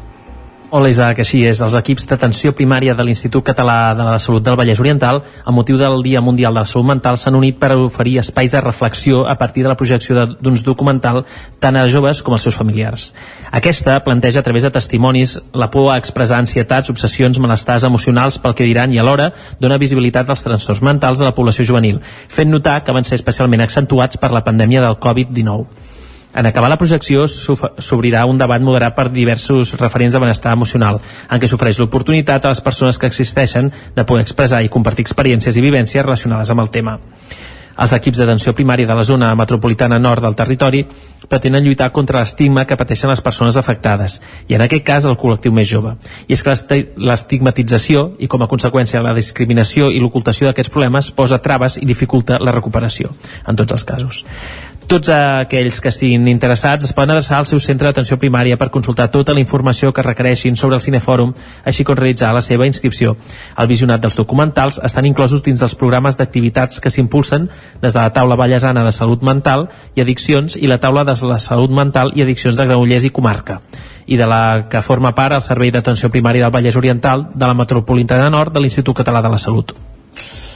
Molt, més qüestions, gràcies Enric. Continuem al Vallès Oriental perquè els Javis estrenen avui la nova sèrie La Messias, amb nombroses escenes rodades a Sant Feliu de Codines. Primer de tot, Roger Rams, una codinenca, que m'hauràs d'explicar qui són els Javis. Va, endavant. Ho intentarem perquè no et creguis que jo tampoc ho tinc massa clar, Isaac. La nova sèrie dels Javis, la Messias, titulada La Messias, s'estrena avui a la plataforma Movistar Plus. El treball dirigit per Javier Calvo i Javier Ambrosi, els Javis, ha tingut com a taló de fons Sant Feliu de Codines i és que l'estiu de l'any 2022 es van rodar diverses escenes d'aquesta sèrie aquí al municipi. Un dels dies que més expectació va generar, però, va ser el 24 d'agost, quan el bar Cantalet es va transformar en un bar de carretera on succeeix part de la història que narra la Messias. Dies abans del rodatge, la productora va anunciar que buscava figurants i, fruit d'això, són moltes les persones de Sant Feliu de Codines que van participar en aquest rodatge. La Messias és una història que barreja la fe, una temàtica constant en la filmografia dels Javis, amb la música.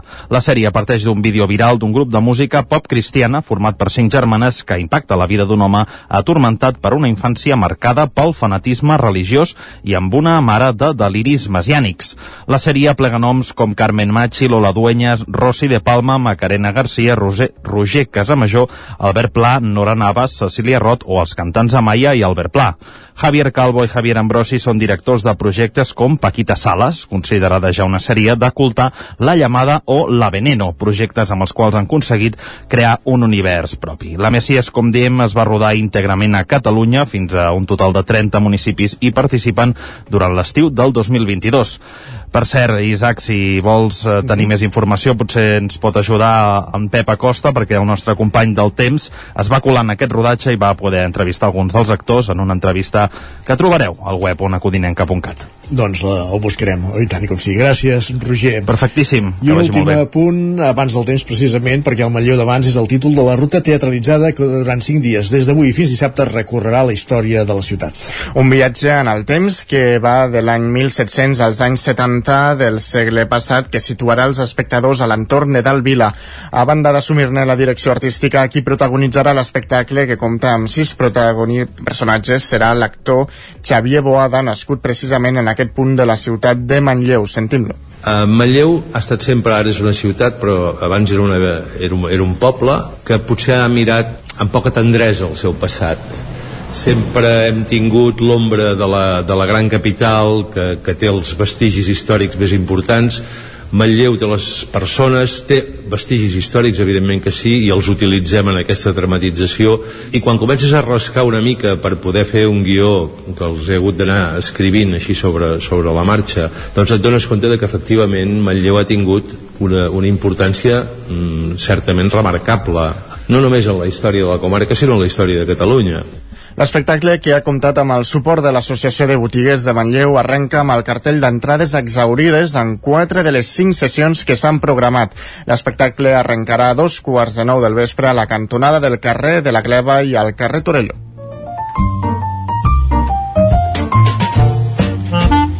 Casa Terradellos us ofereix el temps. Doncs ara sí, saludem el nostre home del temps i entrevista dels Javis, Pep Acosta. Quin temps farà avui i demà, que és festiu? Molt bon dia, bon dia benvinguts a l'Espai del Temps. I tant avui com demà continuarà el mateix panorama, la mateixa situació. I seran dos dies, seran dos dies clavats. Uh, potser una mica més de fred al matí, uh, o sigui, les temperatures han baixat una mica, hi ha més valors, eh, per sota dels 15 graus en moltes poblacions de, de l'interior, de les comarques, eh, però vaja, encara són temperatures més altes del, del, del que tocaria. Eh, només una mica de fred de moment cap a les valls i els cims més alts del Pirineu.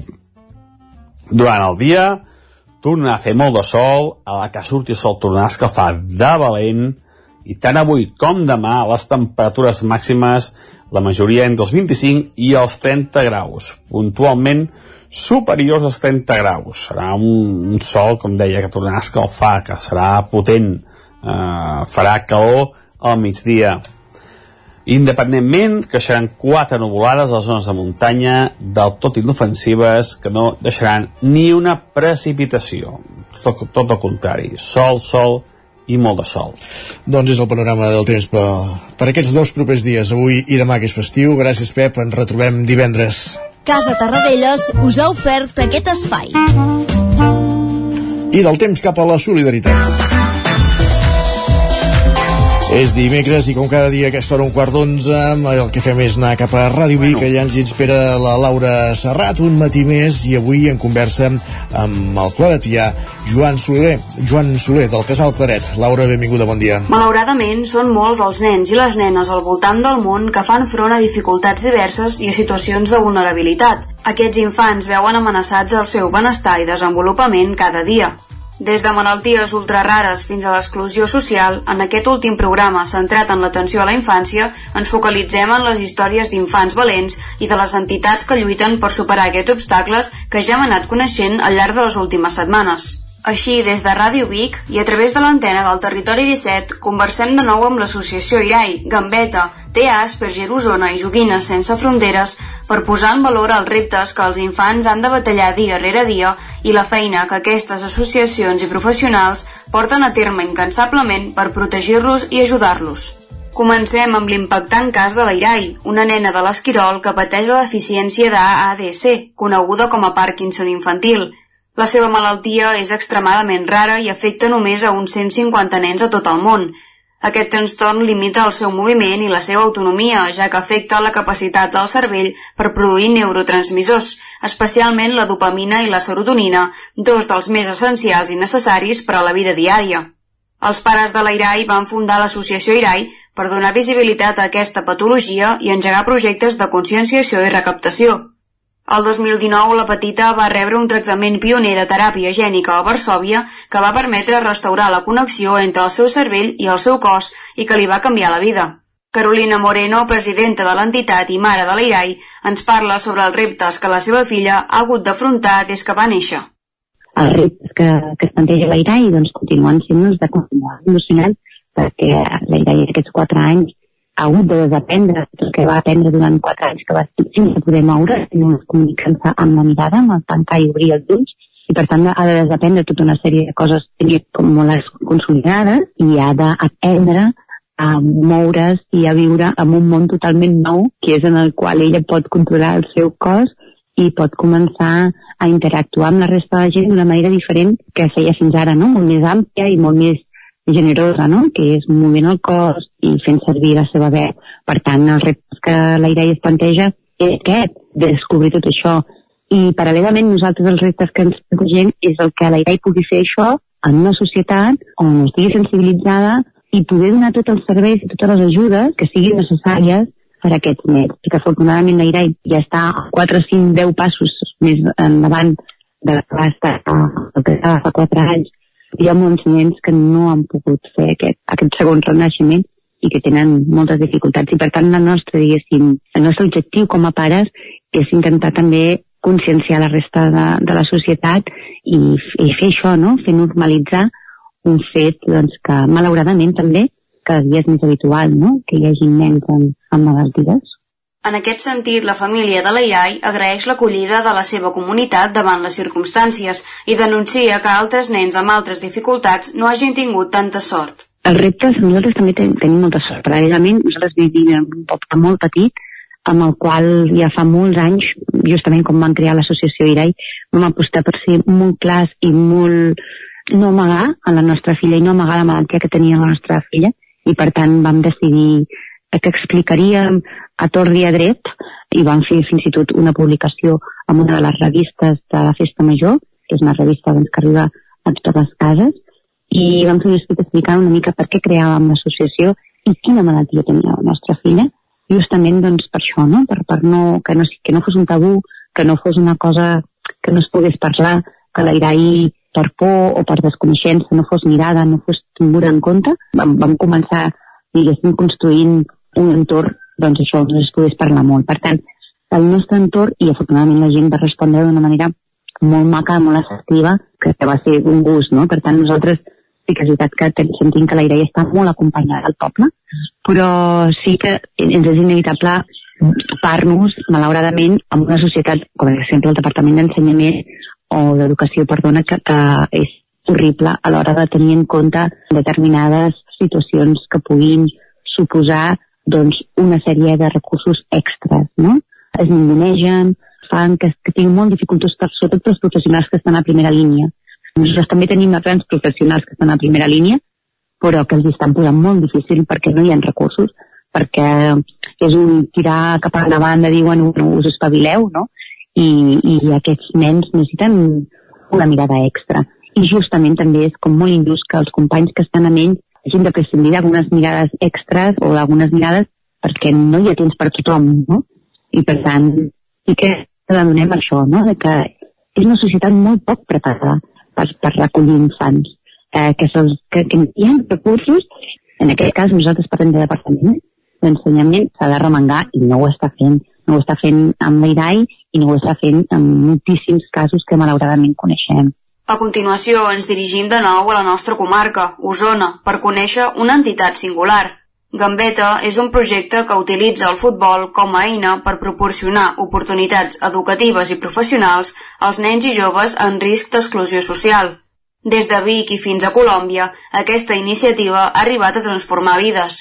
Pep Novelles, fundador de Gambeta, ens parla sobre les dificultats dels infants que tenen principal repte del cap i la fi és el seu dia a dia familiar. Són nens i nenes que tenen una vida molt precària econòmicament. Difícilment a casa seu els puguin ajudar a fer classes de repàs perquè o són analfabets alguns dels pares, alguns d'ells han de treballar moltíssimes hores per obtenir molt pocs sous, alguns d'ells inclús són drogadictes, per tant viuen en situacions molt precàries i en ocasions inclús amb dificultats de poder anar a l'escola i a vegades els propis pares, diguem-ne, els utilitzen per poder fer algunes activitats inclusives il·lícites perquè nens menors de 14 anys diguem-ne són inimputables i llavors allà a Colòmbia sobretot doncs a vegades amb aquests nens diguem-ne els utilitzen com a mules per poder fer tràfic d'estupefaents. De, i nosaltres una miqueta el que intentem també tallers amb els familiars perquè adquireixin el compromís de mantenir-los a l'escola i de fer-los entendre que el futur dels seus fills passa per, per estudiar, per no abandonar els estudis abans d'acabar els estudis obligatoris i si poden fer estudis superiors molt millor, però que el fet de que els utilitzin com a mà d'obra o,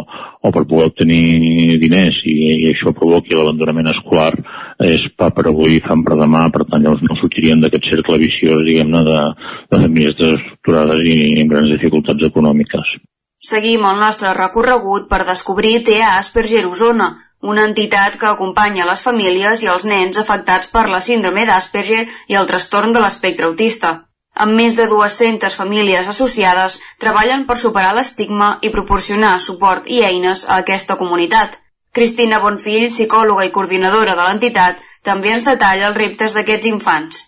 Actualment la síndrome d'Asperger com a tal està inclosa dins del trastorn de l'espectre autista. El trastorn de l'espectre autista és un trastorn del neurodesenvolupament que acompanya la persona al llarg de tota la vida. Llavors, en funció no, de l'etapa vital en la que es troba, les manifestacions poden ser una mica diferents.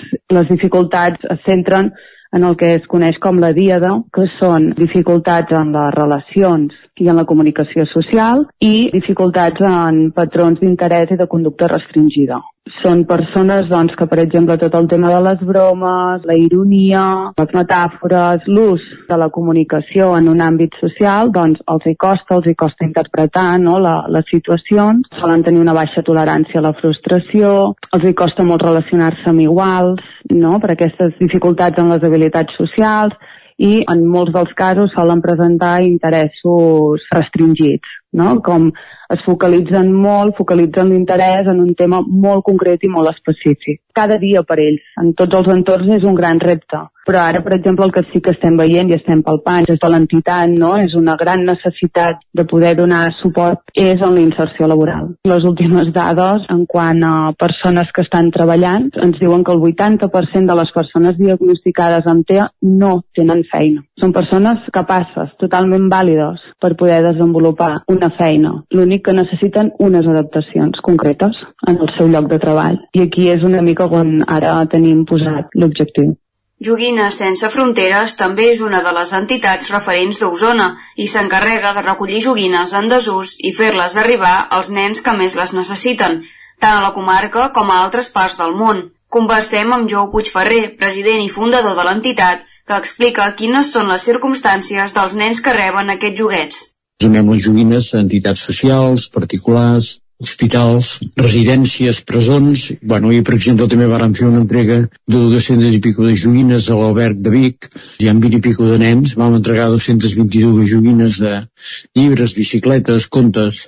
Doncs hi ha nens que no tenen res, no tenen absolutament res. Llavors també hem col·laborat amb el Rebot Solidari de Vic, que s'ha format per la Creu Roja, Càritas i l'Ajuntament de Vic, i abans de la pandèmia anàvem allà, ens passaven unes llistes dels usuaris del Banc dels Aliments, de Vic o Rebot Solidari, vull dir, es coneixen les dues, amb els dos noms, llavors nosaltres preparàvem joguines i els anàvem a donar allà. I llavors fèiem grups de 0 a 3 anys, de 3 a 6, de 6 a 9 i de 9 a 11. I allà 11 a 12 paràvem perquè vull dir, la canalla 11 a 12 ja volen tauletes o altres coses que nosaltres no tenim. Es fa patent que el dia a dia de molta canalla no és gens senzilla i és segur que sense l'ajuda d'aquestes entitats encara ho seria més. Totes elles comparteixen el seu compromís per continuar creant oportunitats i construir un futur on la felicitat i la qualitat de vida de tots aquests infants siguin una prioritat. L'objectiu final també el comparteixen, seguir treballant amb tants nens com sigui possible i que tots tinguin l'oportunitat de llaurar un futur millor. I després d'aquest últim programa ens retrobem al setembre. El nou FM, la ràdio de casa, al 92.8. La qualitat de les teves impressions és important per tu? Estàs cansat que els colors i les imatges no surtin com t'esperes? A Impremta Mater disposem de la tecnologia més avançada i els millors professionals per aconseguir impressions d'alta qualitat Fem tota classe d'impresos amb acabats professionals. Llibres, catàlegs, revistes, tesis, calendaris, enquadernacions... I a més, disposem del servei d'impressió digital en gran format. Roll-ups, lones, pòsters i molt més. Impremta Mater. Ens trobaràs a la carretera de Sant Hipòlit 23 de Vic o impremtamater.com. Nova convocatòria de 850 places a Mossos d'Esquadra, amb la reserva del 40% per a dones. Ara pots formar part de la Policia Integral de Catalunya. Som compromís, vocació de servei i proximitat. Ens faltes tu. Més informació a mossos.gencat.cat barra convocatòria Mossos. Presentació de sol·licituds fins a l'11 d'octubre. Generalitat de Catalunya. Sempre endavant. Ser a prop vol dir veure les coses més bé. Apropa't al que t'interessa amb la xarxa Més. La teva plataforma audiovisual de qualitat, proximitat i gratuïta. Gaudeix dels continguts de més de 30 televisions locals i podcast quan, com i on tu vulguis. Entra a la xarxa més.cat i descarrega't l'app. Hasta luego, cocodrilo. El programa Cocodril Club arriba als 30 anys en antena. Vine a la festa d'aniversari. La celebrarem el diumenge 22 d'octubre de 18 a 22 hores a la discoteca Barrocos, Aribau 242 Barcelona, amb les cançons que més us agrada ballar de tots els temps. Actuaran com a padrins Leslie del Cirex. Maldigo mi destino. Mi estrella se eclipsó. I Santi Carulla dels Mustang. El diumenge 22 a partir de les 6 de la tarda a la discoteca Barrocos Aribau 242 de Barcelona 30 anys de ràdio 30 anys plens de bona música 30 anys de... Cocodril Club, el programa revival de l'Albert Malla. Hasta luego, cocodrilo. T'imagines un programa de política, d'economia, feina... Doncs ja te'n pots oblidar. Quin tinglado! Un programa d'entreteniment, actualitat, cultura i molt rigorós. Amb Bata Serrat, Miquel Giol i Eudal Puig. Un programa que no passarà a la història i que tampoc guanyarà cap ondes. No ens flipem. Escolta'l cada dijous en directe de 8 a 9 del vespre al 9 FM. Ai, ai, ai, quin tinglado! Anuncia't al 9FM. La màquina de casa. 9 3 8 8 9 4 9 4 9. Publicitat arroba al 9FM.cat. Anuncia't al 9FM. La publicitat més eficaç. El 9 FM. El 9 FM. En punt ara mateix dos quarts d'onze al territori 17. Guillem Sánchez, benvingut, bon dia. Què tal, com estem? Bé, i tu? Bé, bé, de moment vius i en feina. Vius i en feina. Vius i en feina. Per tant, i amb salut també? En salut de moment també, sí, home, sí. Tot i que s'ha de reconèixer que avui, Isaac, és un dia estrany, eh, per molta gent. Ah, sí? I una setmana estranya, també. Explica'm això. Va, ens escriuen, i no saps com, la setmana ha passat superràpid i ja és divendres. Deu ser mestre funcionari, no? Segurament, i potser el dia 13 no té... Amb tots els respectes, eh? Però la majoria de mortals no tenim la sort de fer pont divendres. Tenim obligacions laborals que s'han de complir. Va, la Núria també viu la seva feina una mica diferent a la resta i ens ho explica en aquesta piulada. Ens diu, tenir 20 anys, fer un metre 60 i treballar en un institut és realment fascinant. Diu, no em deixen sortir de l'insti quan acabo la meva classe perquè es pensen que sóc alumne de batxillerat i que em vull escapar abans quan acabin les classes. Impressionant. I vinga. L'alumne avantatjat que ja fa I classes, tant, I tant que sí. I vinga, recordeu que per problemes i coses diferents sempre tenim rodalies. Ah, sí? Llegim a l'Adrià, que ahir ens deia el següent. Atenció, eh? Diu, el transport públic cada dia va pitjor, això ja ho sabem. Ahir sortia a les 21.12 de Palau Tordera i arribava al pis a Barcelona a les 0037. Diu, avui he sortit del pis de Barcelona a les 8.34 per anar a Centelles, que hi he estat 20 minuts justos, i ara són les 13.03 i encara no estic a Barcelona. Ai, en fi. Històries d'aquestes en podríem fer Cada un dia. llibre, em sembla, Sí. un llibre. Va, i dins del capítol de coses que la gent no pot suportar, atenció al tuit d'en Jaume, a veure com l'interpretes tu, Isaac. Ens diu, l'anunci de la crema d'avellana d'en Nando Jovany m'ensorra cada matí. De cullerades. cullerades. Va, i entrem a la secció dels dubtes. La Sílvia, que ens comenta, diu molt fort, estic mirant lloguers i estan tots a uns 800 euros i he vist una habitació per 400 com s'ha de fer amb un salari de 1.080 euros? Aquesta és la gran pregunta.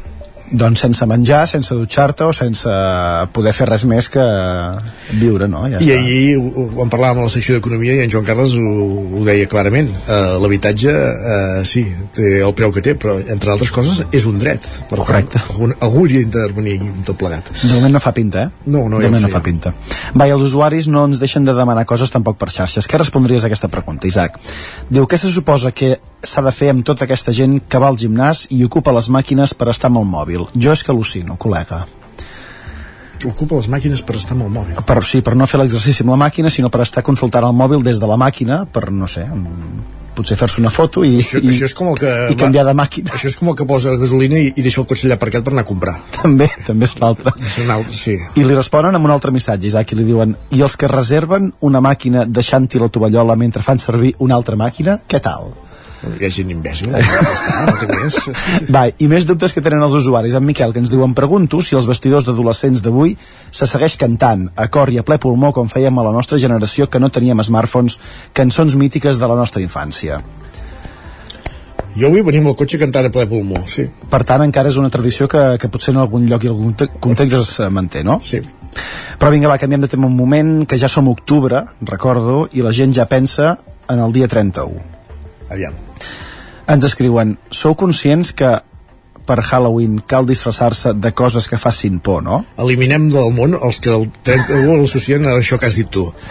Jo ho he associat a castanyada i panyallets i, i tots sants. Va, en, més qüestions. Ens diu, per, ens diu per això, diu, jo per exemple em disfressaré de Montcada i Reixac. Diu, I li responen un altre usuari i diu, jo de Renfe Rodalies i la meva parella d'horari. Ja parlen de carnaval? Ja parla... No, no, no. D'acord. Va, i en un altre ordre de coses crec que en Marc està una mica descol·locat des d'aquesta setmana. Ens diu, ha passat. Diu, m'han posat a un grup de quintos de l'escola. Oficialment sóc una persona gran. Un grup de quintos. Jo entenc que és un grup de persones que van a fer quintos en algun moment del ah, dia, especialment ah, ah, a, la, a, la, a la tarda per acabar la, la jornada diària abans de tornar cap a casa. Jo ho els que, ja ten, els que ja tenim una edat, els quintos eren aquells que havien d'anar a fer la mili. Sí, també tens raó. també tens raó. Ara, ara bé. també te la, te la compro.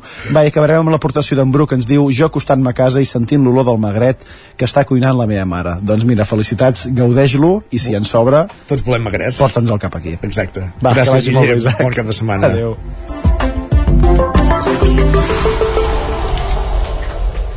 Doncs, doncs acomidem en Guillem Sánchez i el que fem tot seguit és donar la benvinguda a en Jordi Soler que passen pràcticament 5 minuts del punt de dos quarts d'onze del matí.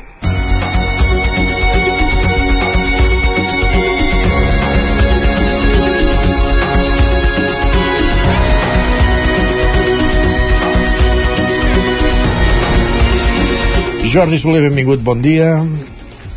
Ara que us posem els auriculars. Bon dia, Jordi. Bon dia, Isaac. Com va el dia? Entrem a l'alegria interior, la sessió que fem cada 15 dies. Avui, sobre quina qüestió? Sobre quin aspecte? Vejam, avui parlarem de temes més generals, de llegir i escriure. Ah, aquest, carai. Això és... Llegir i escriure, però des d'una visió totalment metafòrica. Eh? Com a exercici d'autoobservació. Sigui, que ara seríem per les vocals del abecedari, no, eh? Bueno, està bé, eh? L'aplicació de metàfores ens ajuda a entendre una mica eh, el que ens convé, el, el que ens passa i com podem actuar, no? Llegir sobre nosaltres ens fa veure cosetes que són evidents però que no hi parem atenció i fer aquesta parada ens permet corregir-les. Correcte.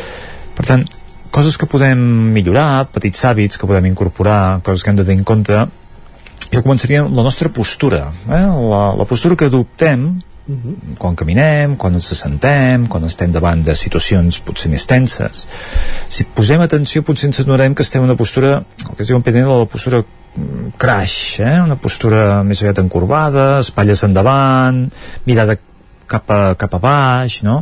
això, una postura crash no ens ajuda mm -hmm. dir, és pròpia de persones que estan més fluixes, més deprimides no?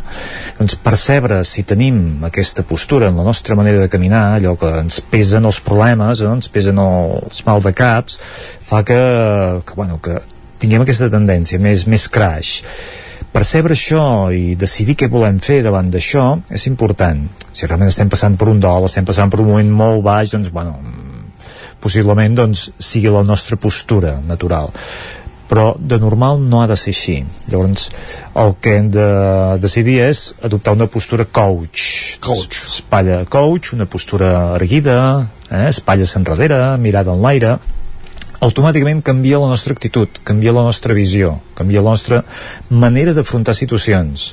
És una cosa molt simple, eh? però que la nostra postura incideix en la forma de percebre, de veure, d'afrontar, de resoldre moltes coses, ens canvia l'estat d'ànim. Eh? Per tant, postura crash, postura coach. Què tenim, què volem? Eh? Fer aquest... Paraules més justades no les tenim, eh? Són tot, tot anglicismes, eh?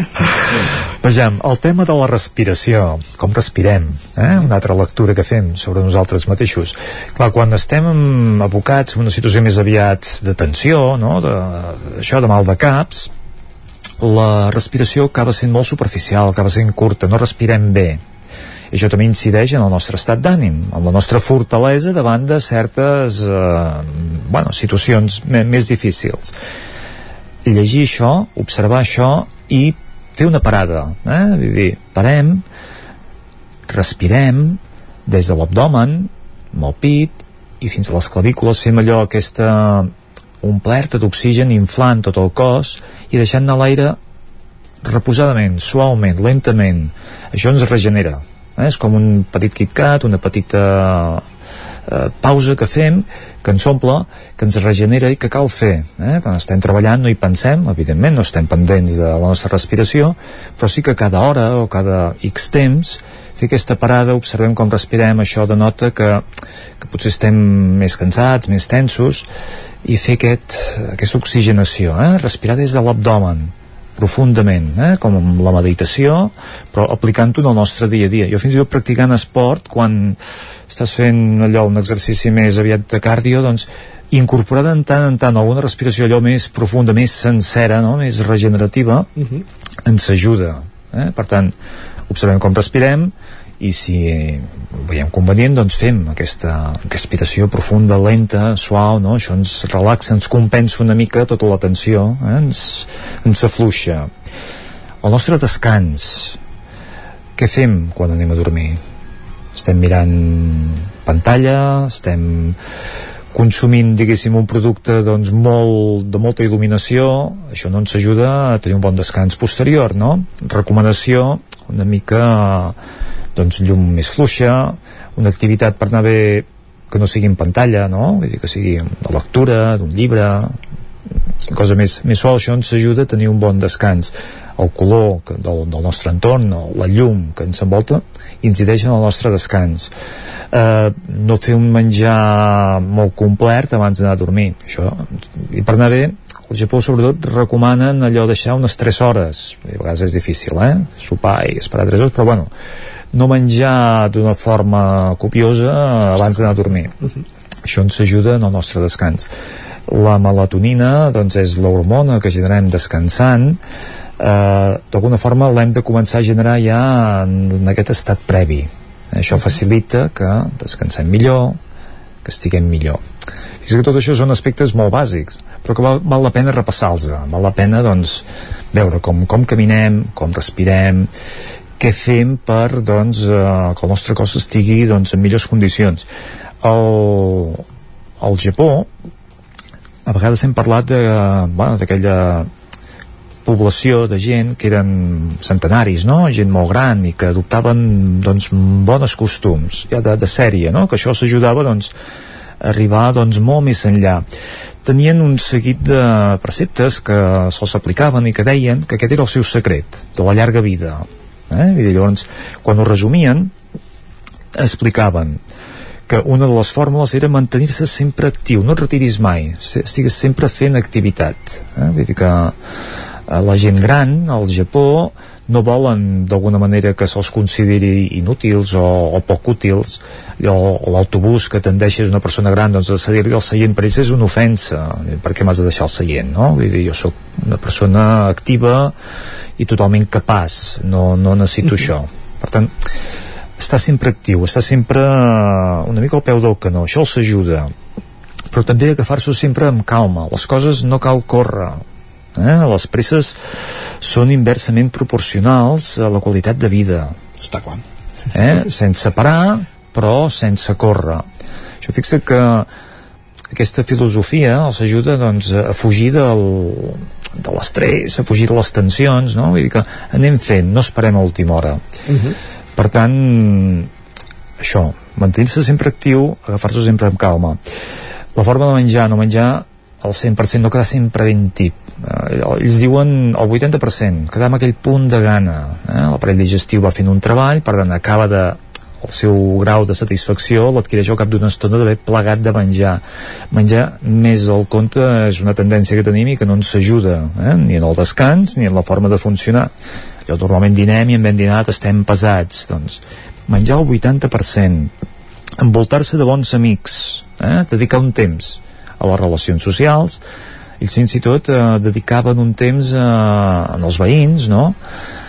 a ajudar la gent que ho podien necessitar i feien petites recolectes no? en el seu barri, en les seves zones per poder dedicar aquest temps a la gent que més ho necessitava i socialitzar i envoltar-se de bons amics i aquests bons moments ajuden una mica doncs, a tenir una vida millor somriure, coses tan simples no? Vull dir, somriure de forma natural, normal facilita també el, la relació uh -huh. i genera una actitud afable eh? fa amics i relaxa la, la pròpia persona vull dir que actes petits eh? l'actitud coach actitud coach eh, reconnectar amb la natura uh -huh. eh? venim de la natura i moltes vegades ens n'oblidem estem a l'asfalt a formigó edificis eh, la natura o Shinrin Yoku que dèiem aquells banys de bosc eh? doncs tant tant tant si estem a prop de la natura ho tenim fàcil si estem en una gran ciutat potser no ho tenim tan fàcil però fer aquestes fugides cap al bosc, cap a la natura o si podem, allò, tenim un petit espai per plantar-hi allò, la tomaquera, doncs, bueno, ja, ja és una forma de reconnectar. Agraïts, donar les gràcies cap a tot, eh? cap als passats, cap a la natura, cap als companys de vida, eh? dedicar-hi un moment cada dia, un acte d'agraïment. Viure el moment present, eh? viure l'ara i aquí. Això és eh, important i finalment el que ells recomanen era seguir el seu ikigai, el seu propòsit de vida tenir-lo molt clar saber què venen a fer, què volen fer i ser fidels a aquest propòsit de vida eh? si no tenim un propòsit a vegades anem una mica perduts doncs ells, l'ikigai era potser dels 10 que hem anomenat ara el principal, eh? seguir una mica aquesta direcció que els ajuda a aixecar-se al matí i a complir una mica un propòsit Perfecte, doncs queda recollidíssim, Jordi, moltíssimes gràcies. A vosaltres. Una més. Bon, bon dia. dia.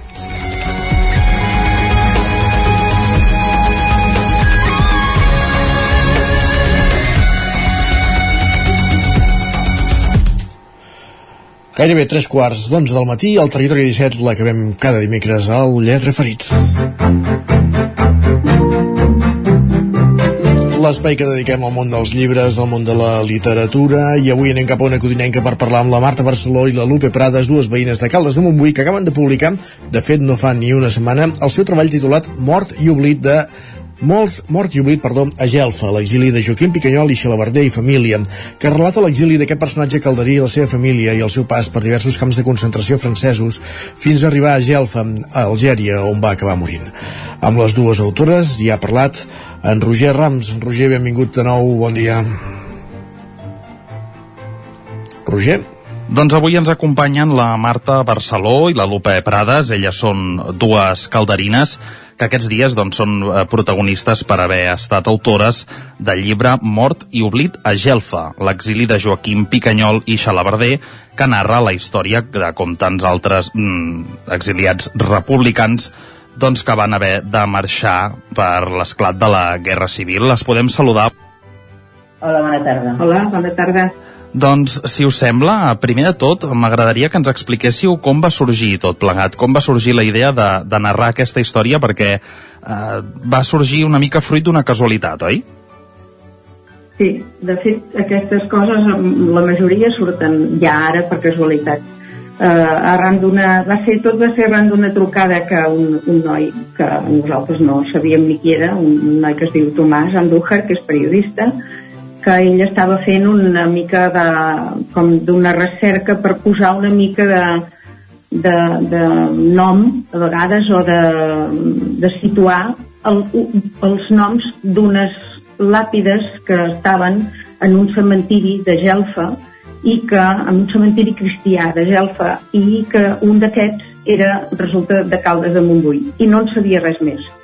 I aleshores va trucar a, a l'arxiu va trucar a l'Ajuntament després el van passar a l'arxiu i l'arxiu li van passar a nosaltres per veure si sabíem qui era aquesta persona que era un, uns cognoms que a més a més estaven tots dos equivocats però eh, vàrem poder saber doncs, que, que es tractava del Joaquim Xalabarder, Picanyol Xalabarder, i, i bé, i, i ens vam posar en contacte amb ell, i ell doncs eh, va dir, vosaltres sabeu qui és? Home, no sé, no, així d'entrada sabem sí, de la família que era i tot això, però no, no, poca cosa més, la veritat.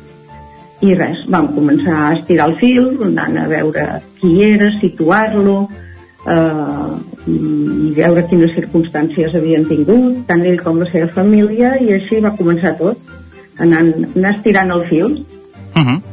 aquest, aquest fil que heu, que heu anat estirant, si tinc ben entès, us ha portat per diversos arxius, començant pel de Caldes de Montbui, evidentment, però també us ha portat cap a França, que és on eh, es va exiliar en Joaquim Picanyol i Xalabarder i també la seva família. Sí, sí, sí. Primer primer vam fer recerca a, a l'arxiu parroquial, a l'arxiu de Caldes, i, i després posteriorment doncs, hem estat a l'arxiu de Perpinyà, el de Carcassona, el de Foix, bé, buscant doncs, no només informació sobre ell, sinó sobre també la seva família. Mm -hmm. Bàsic, bàsicament mm, documentació més oficial, diguéssim, no, que no fos tan, tan duïda o el que ens anaven dient, eh, sinó ja mm, una cosa més mm, constatable, doncs. Mm. La, la setmana passada, eh, aquest dijous, vau fer una presentació a la sala de cuines de Can Rius, aquí a Caldes, on vau poder doncs, eh, exposar una mica no, eh, el contingut d'aquest llibre i explicar qui era eh, Joaquim Picanyol Xalabarder i també, sobretot, la seva família, perquè tenim entès que tant la seva mare, sobretot, com, com també el seu pare, doncs, van eh, tenir un pes molt important en aquesta història. Expliqueu una mica qui era. Bé, eh, en Joaquim era un, un noi d'una família treballadora, el segon germà de tres d'una família treballadora, que el, el, la, el pare del, del qual era, era militant del PSUC, era una persona molt activa eh, políticament i socialment, havia estat eh, membre del Centre Democràtic i Progressista eh, i finalment al, al fin dels últims mesos de la guerra va ser regidor de l'Ajuntament.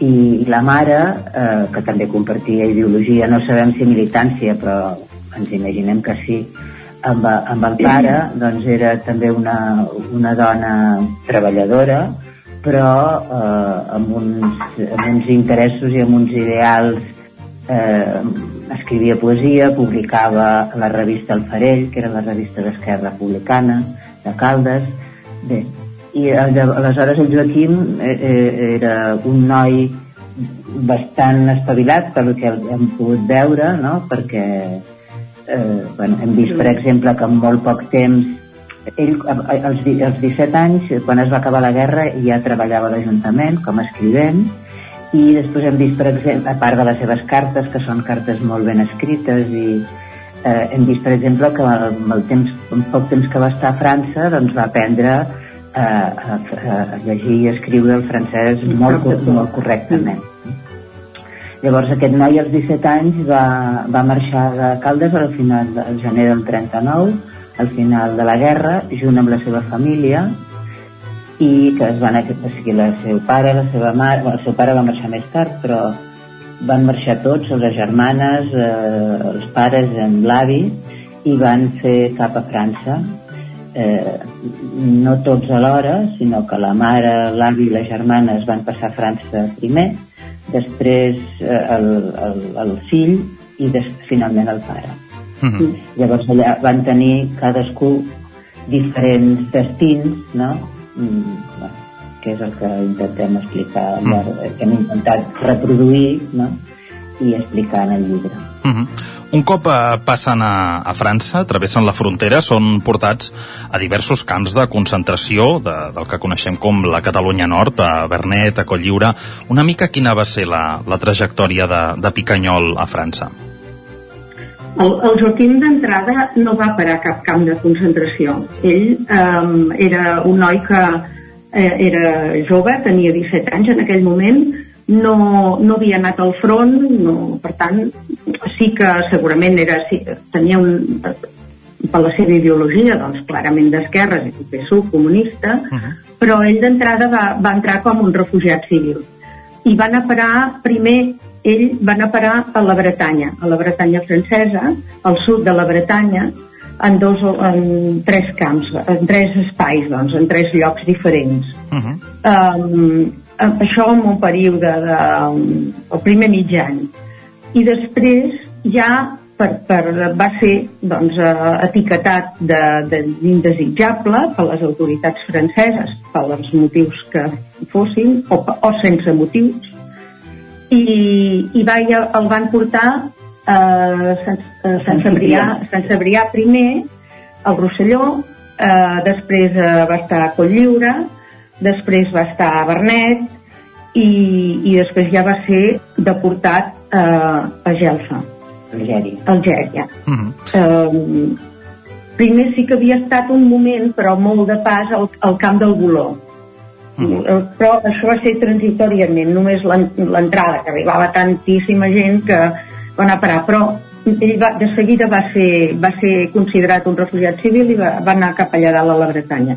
I eh, hem de tenir això present que, que quan, quan va venir ja cap a, més cap a la Catalunya Nord, que en diem, ell ja va venir eh, en camps de càstig, o sigui, ja, ja estava um, fitxat o ja estava titllat de, de, de perillós, de totes aquestes coses que, que li van posar al damunt. Uh mhm. -huh. Sobretot doncs, a Coll Lliure, que era de treballs forçats, i a Bernet, que dins del camp estava la zona considerada de càstig.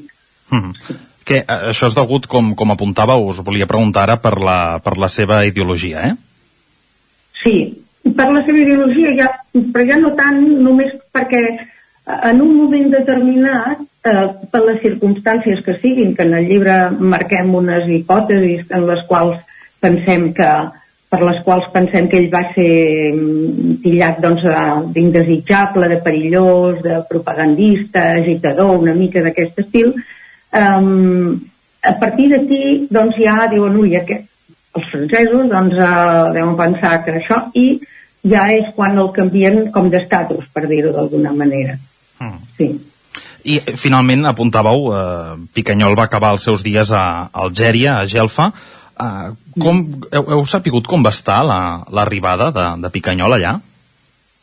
Sí, sí, fins i tot sabem eh, el, més o menys el dia que van embarcar a Port Vendres. Sí, Vendres.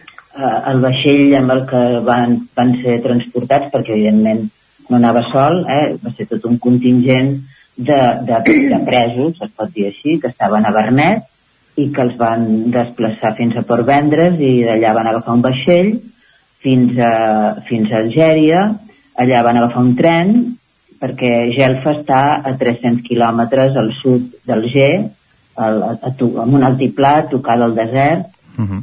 i, i després van haver d'anar caminant de nit fins a una mena de camp que no tenia més que tres barracons i tot el més eren tendes de campanya. Mm. No? Uh -huh. uh, cal, cal, perdona un moment, cal afegir que, que aquest no era només eh, l'únic comboi, l'únic vaixell que hi va anar. De, de vaixells com el seu va començar pel març o així i, i fins al maig de l'any 41. De l'any 41 i n'hi van anar uns 8 o 9 i pensa que cadascun, doncs, això només de França, ni, n'hi van, anaven 3 o 400 cada vegada, vull dir que la cosa va tenir un volum important. Uh -huh. Mm. Ara sobtava no, el, el detall fins al qual heu pogut eh, esbrinar, no? Que, que sabíeu fins i tot la, la data i, el, i aquest exhaustiu procediment que va seguir Picanyol fins a, fins a arribar a aquest camp. Eh, jo us volia preguntar ja per, per acabar, Marta, Lupe, una mica com ha estat el procés d'escriure de, aquest llibre. És a dir, eh, jo suposo que us planteu un dia amb tot un seguit d'informació, amb un recull d'informació, de cartes, de, en fi, dels arxius, i, i en quin punt decidiu això ho hem de plasmar en un llibre?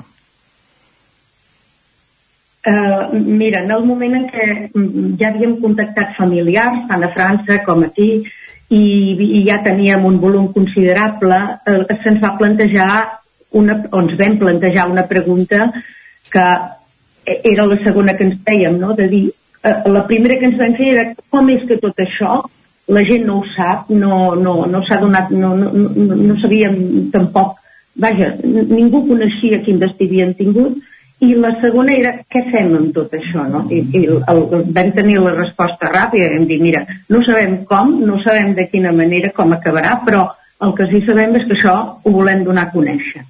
I volem que se sàpiga, doncs, perquè ens semblava que, que sí que és una història molt peculiar, però que com aquesta n'hi ha moltes. Mm -hmm. I, I això és un, el que sí. ens va motivar. Ens va, ens va semblar una mica que era un, entre altres coses, un deure moral, no? Sí. Doncs Marta Barceló, Lupe Prades, autores calderines de Mort i Oblita Gelfa, l'exili de Joaquim Picanyol, Xalabarder i família, moltes gràcies per passar avui pels micròfons d'Ona Codinenca i explicar-nos aquesta història que, com ara apuntàveu, eh, se suma a les tantes d'altres que s'arrosseguen a casa nostra i doncs avui acabem amb aquest llibre que podreu trobar, insistim, al Museu Termàlia de Caldes. Marta, Lupe, moltes gràcies. Gràcies. Gràcies a tu. Gràcies, Roger. Gràcies. I gràcies a tu també, Roger, un matí més, avui per aproximar-nos al Lletra Ferits. Amb el Lletra Ferits acabem el territori 17 d'aquest matí de dimecres, 11 d'octubre de 2023. Us hem acompanyat des de les 9, Isaac Muntades, Enric Rubio, Beba Costa, Laura Serrat, Guillem Sánchez, Jordi Soler, Roger Rams, Sergi Vives i Isaac Moreno. El territori 17 hi torna divendres, a partir de les 9 del matí. Fins aleshores, bon dimecres i bon dijous a passar-ho bé i, com dèiem, fins divendres. Adéu-siau. Territori 17, un magazín del nou FM, Ona Codinenca, Ràdio Cardedeu, Ràdio Vic i La Veu de Sant Joan, amb el suport de la xarxa.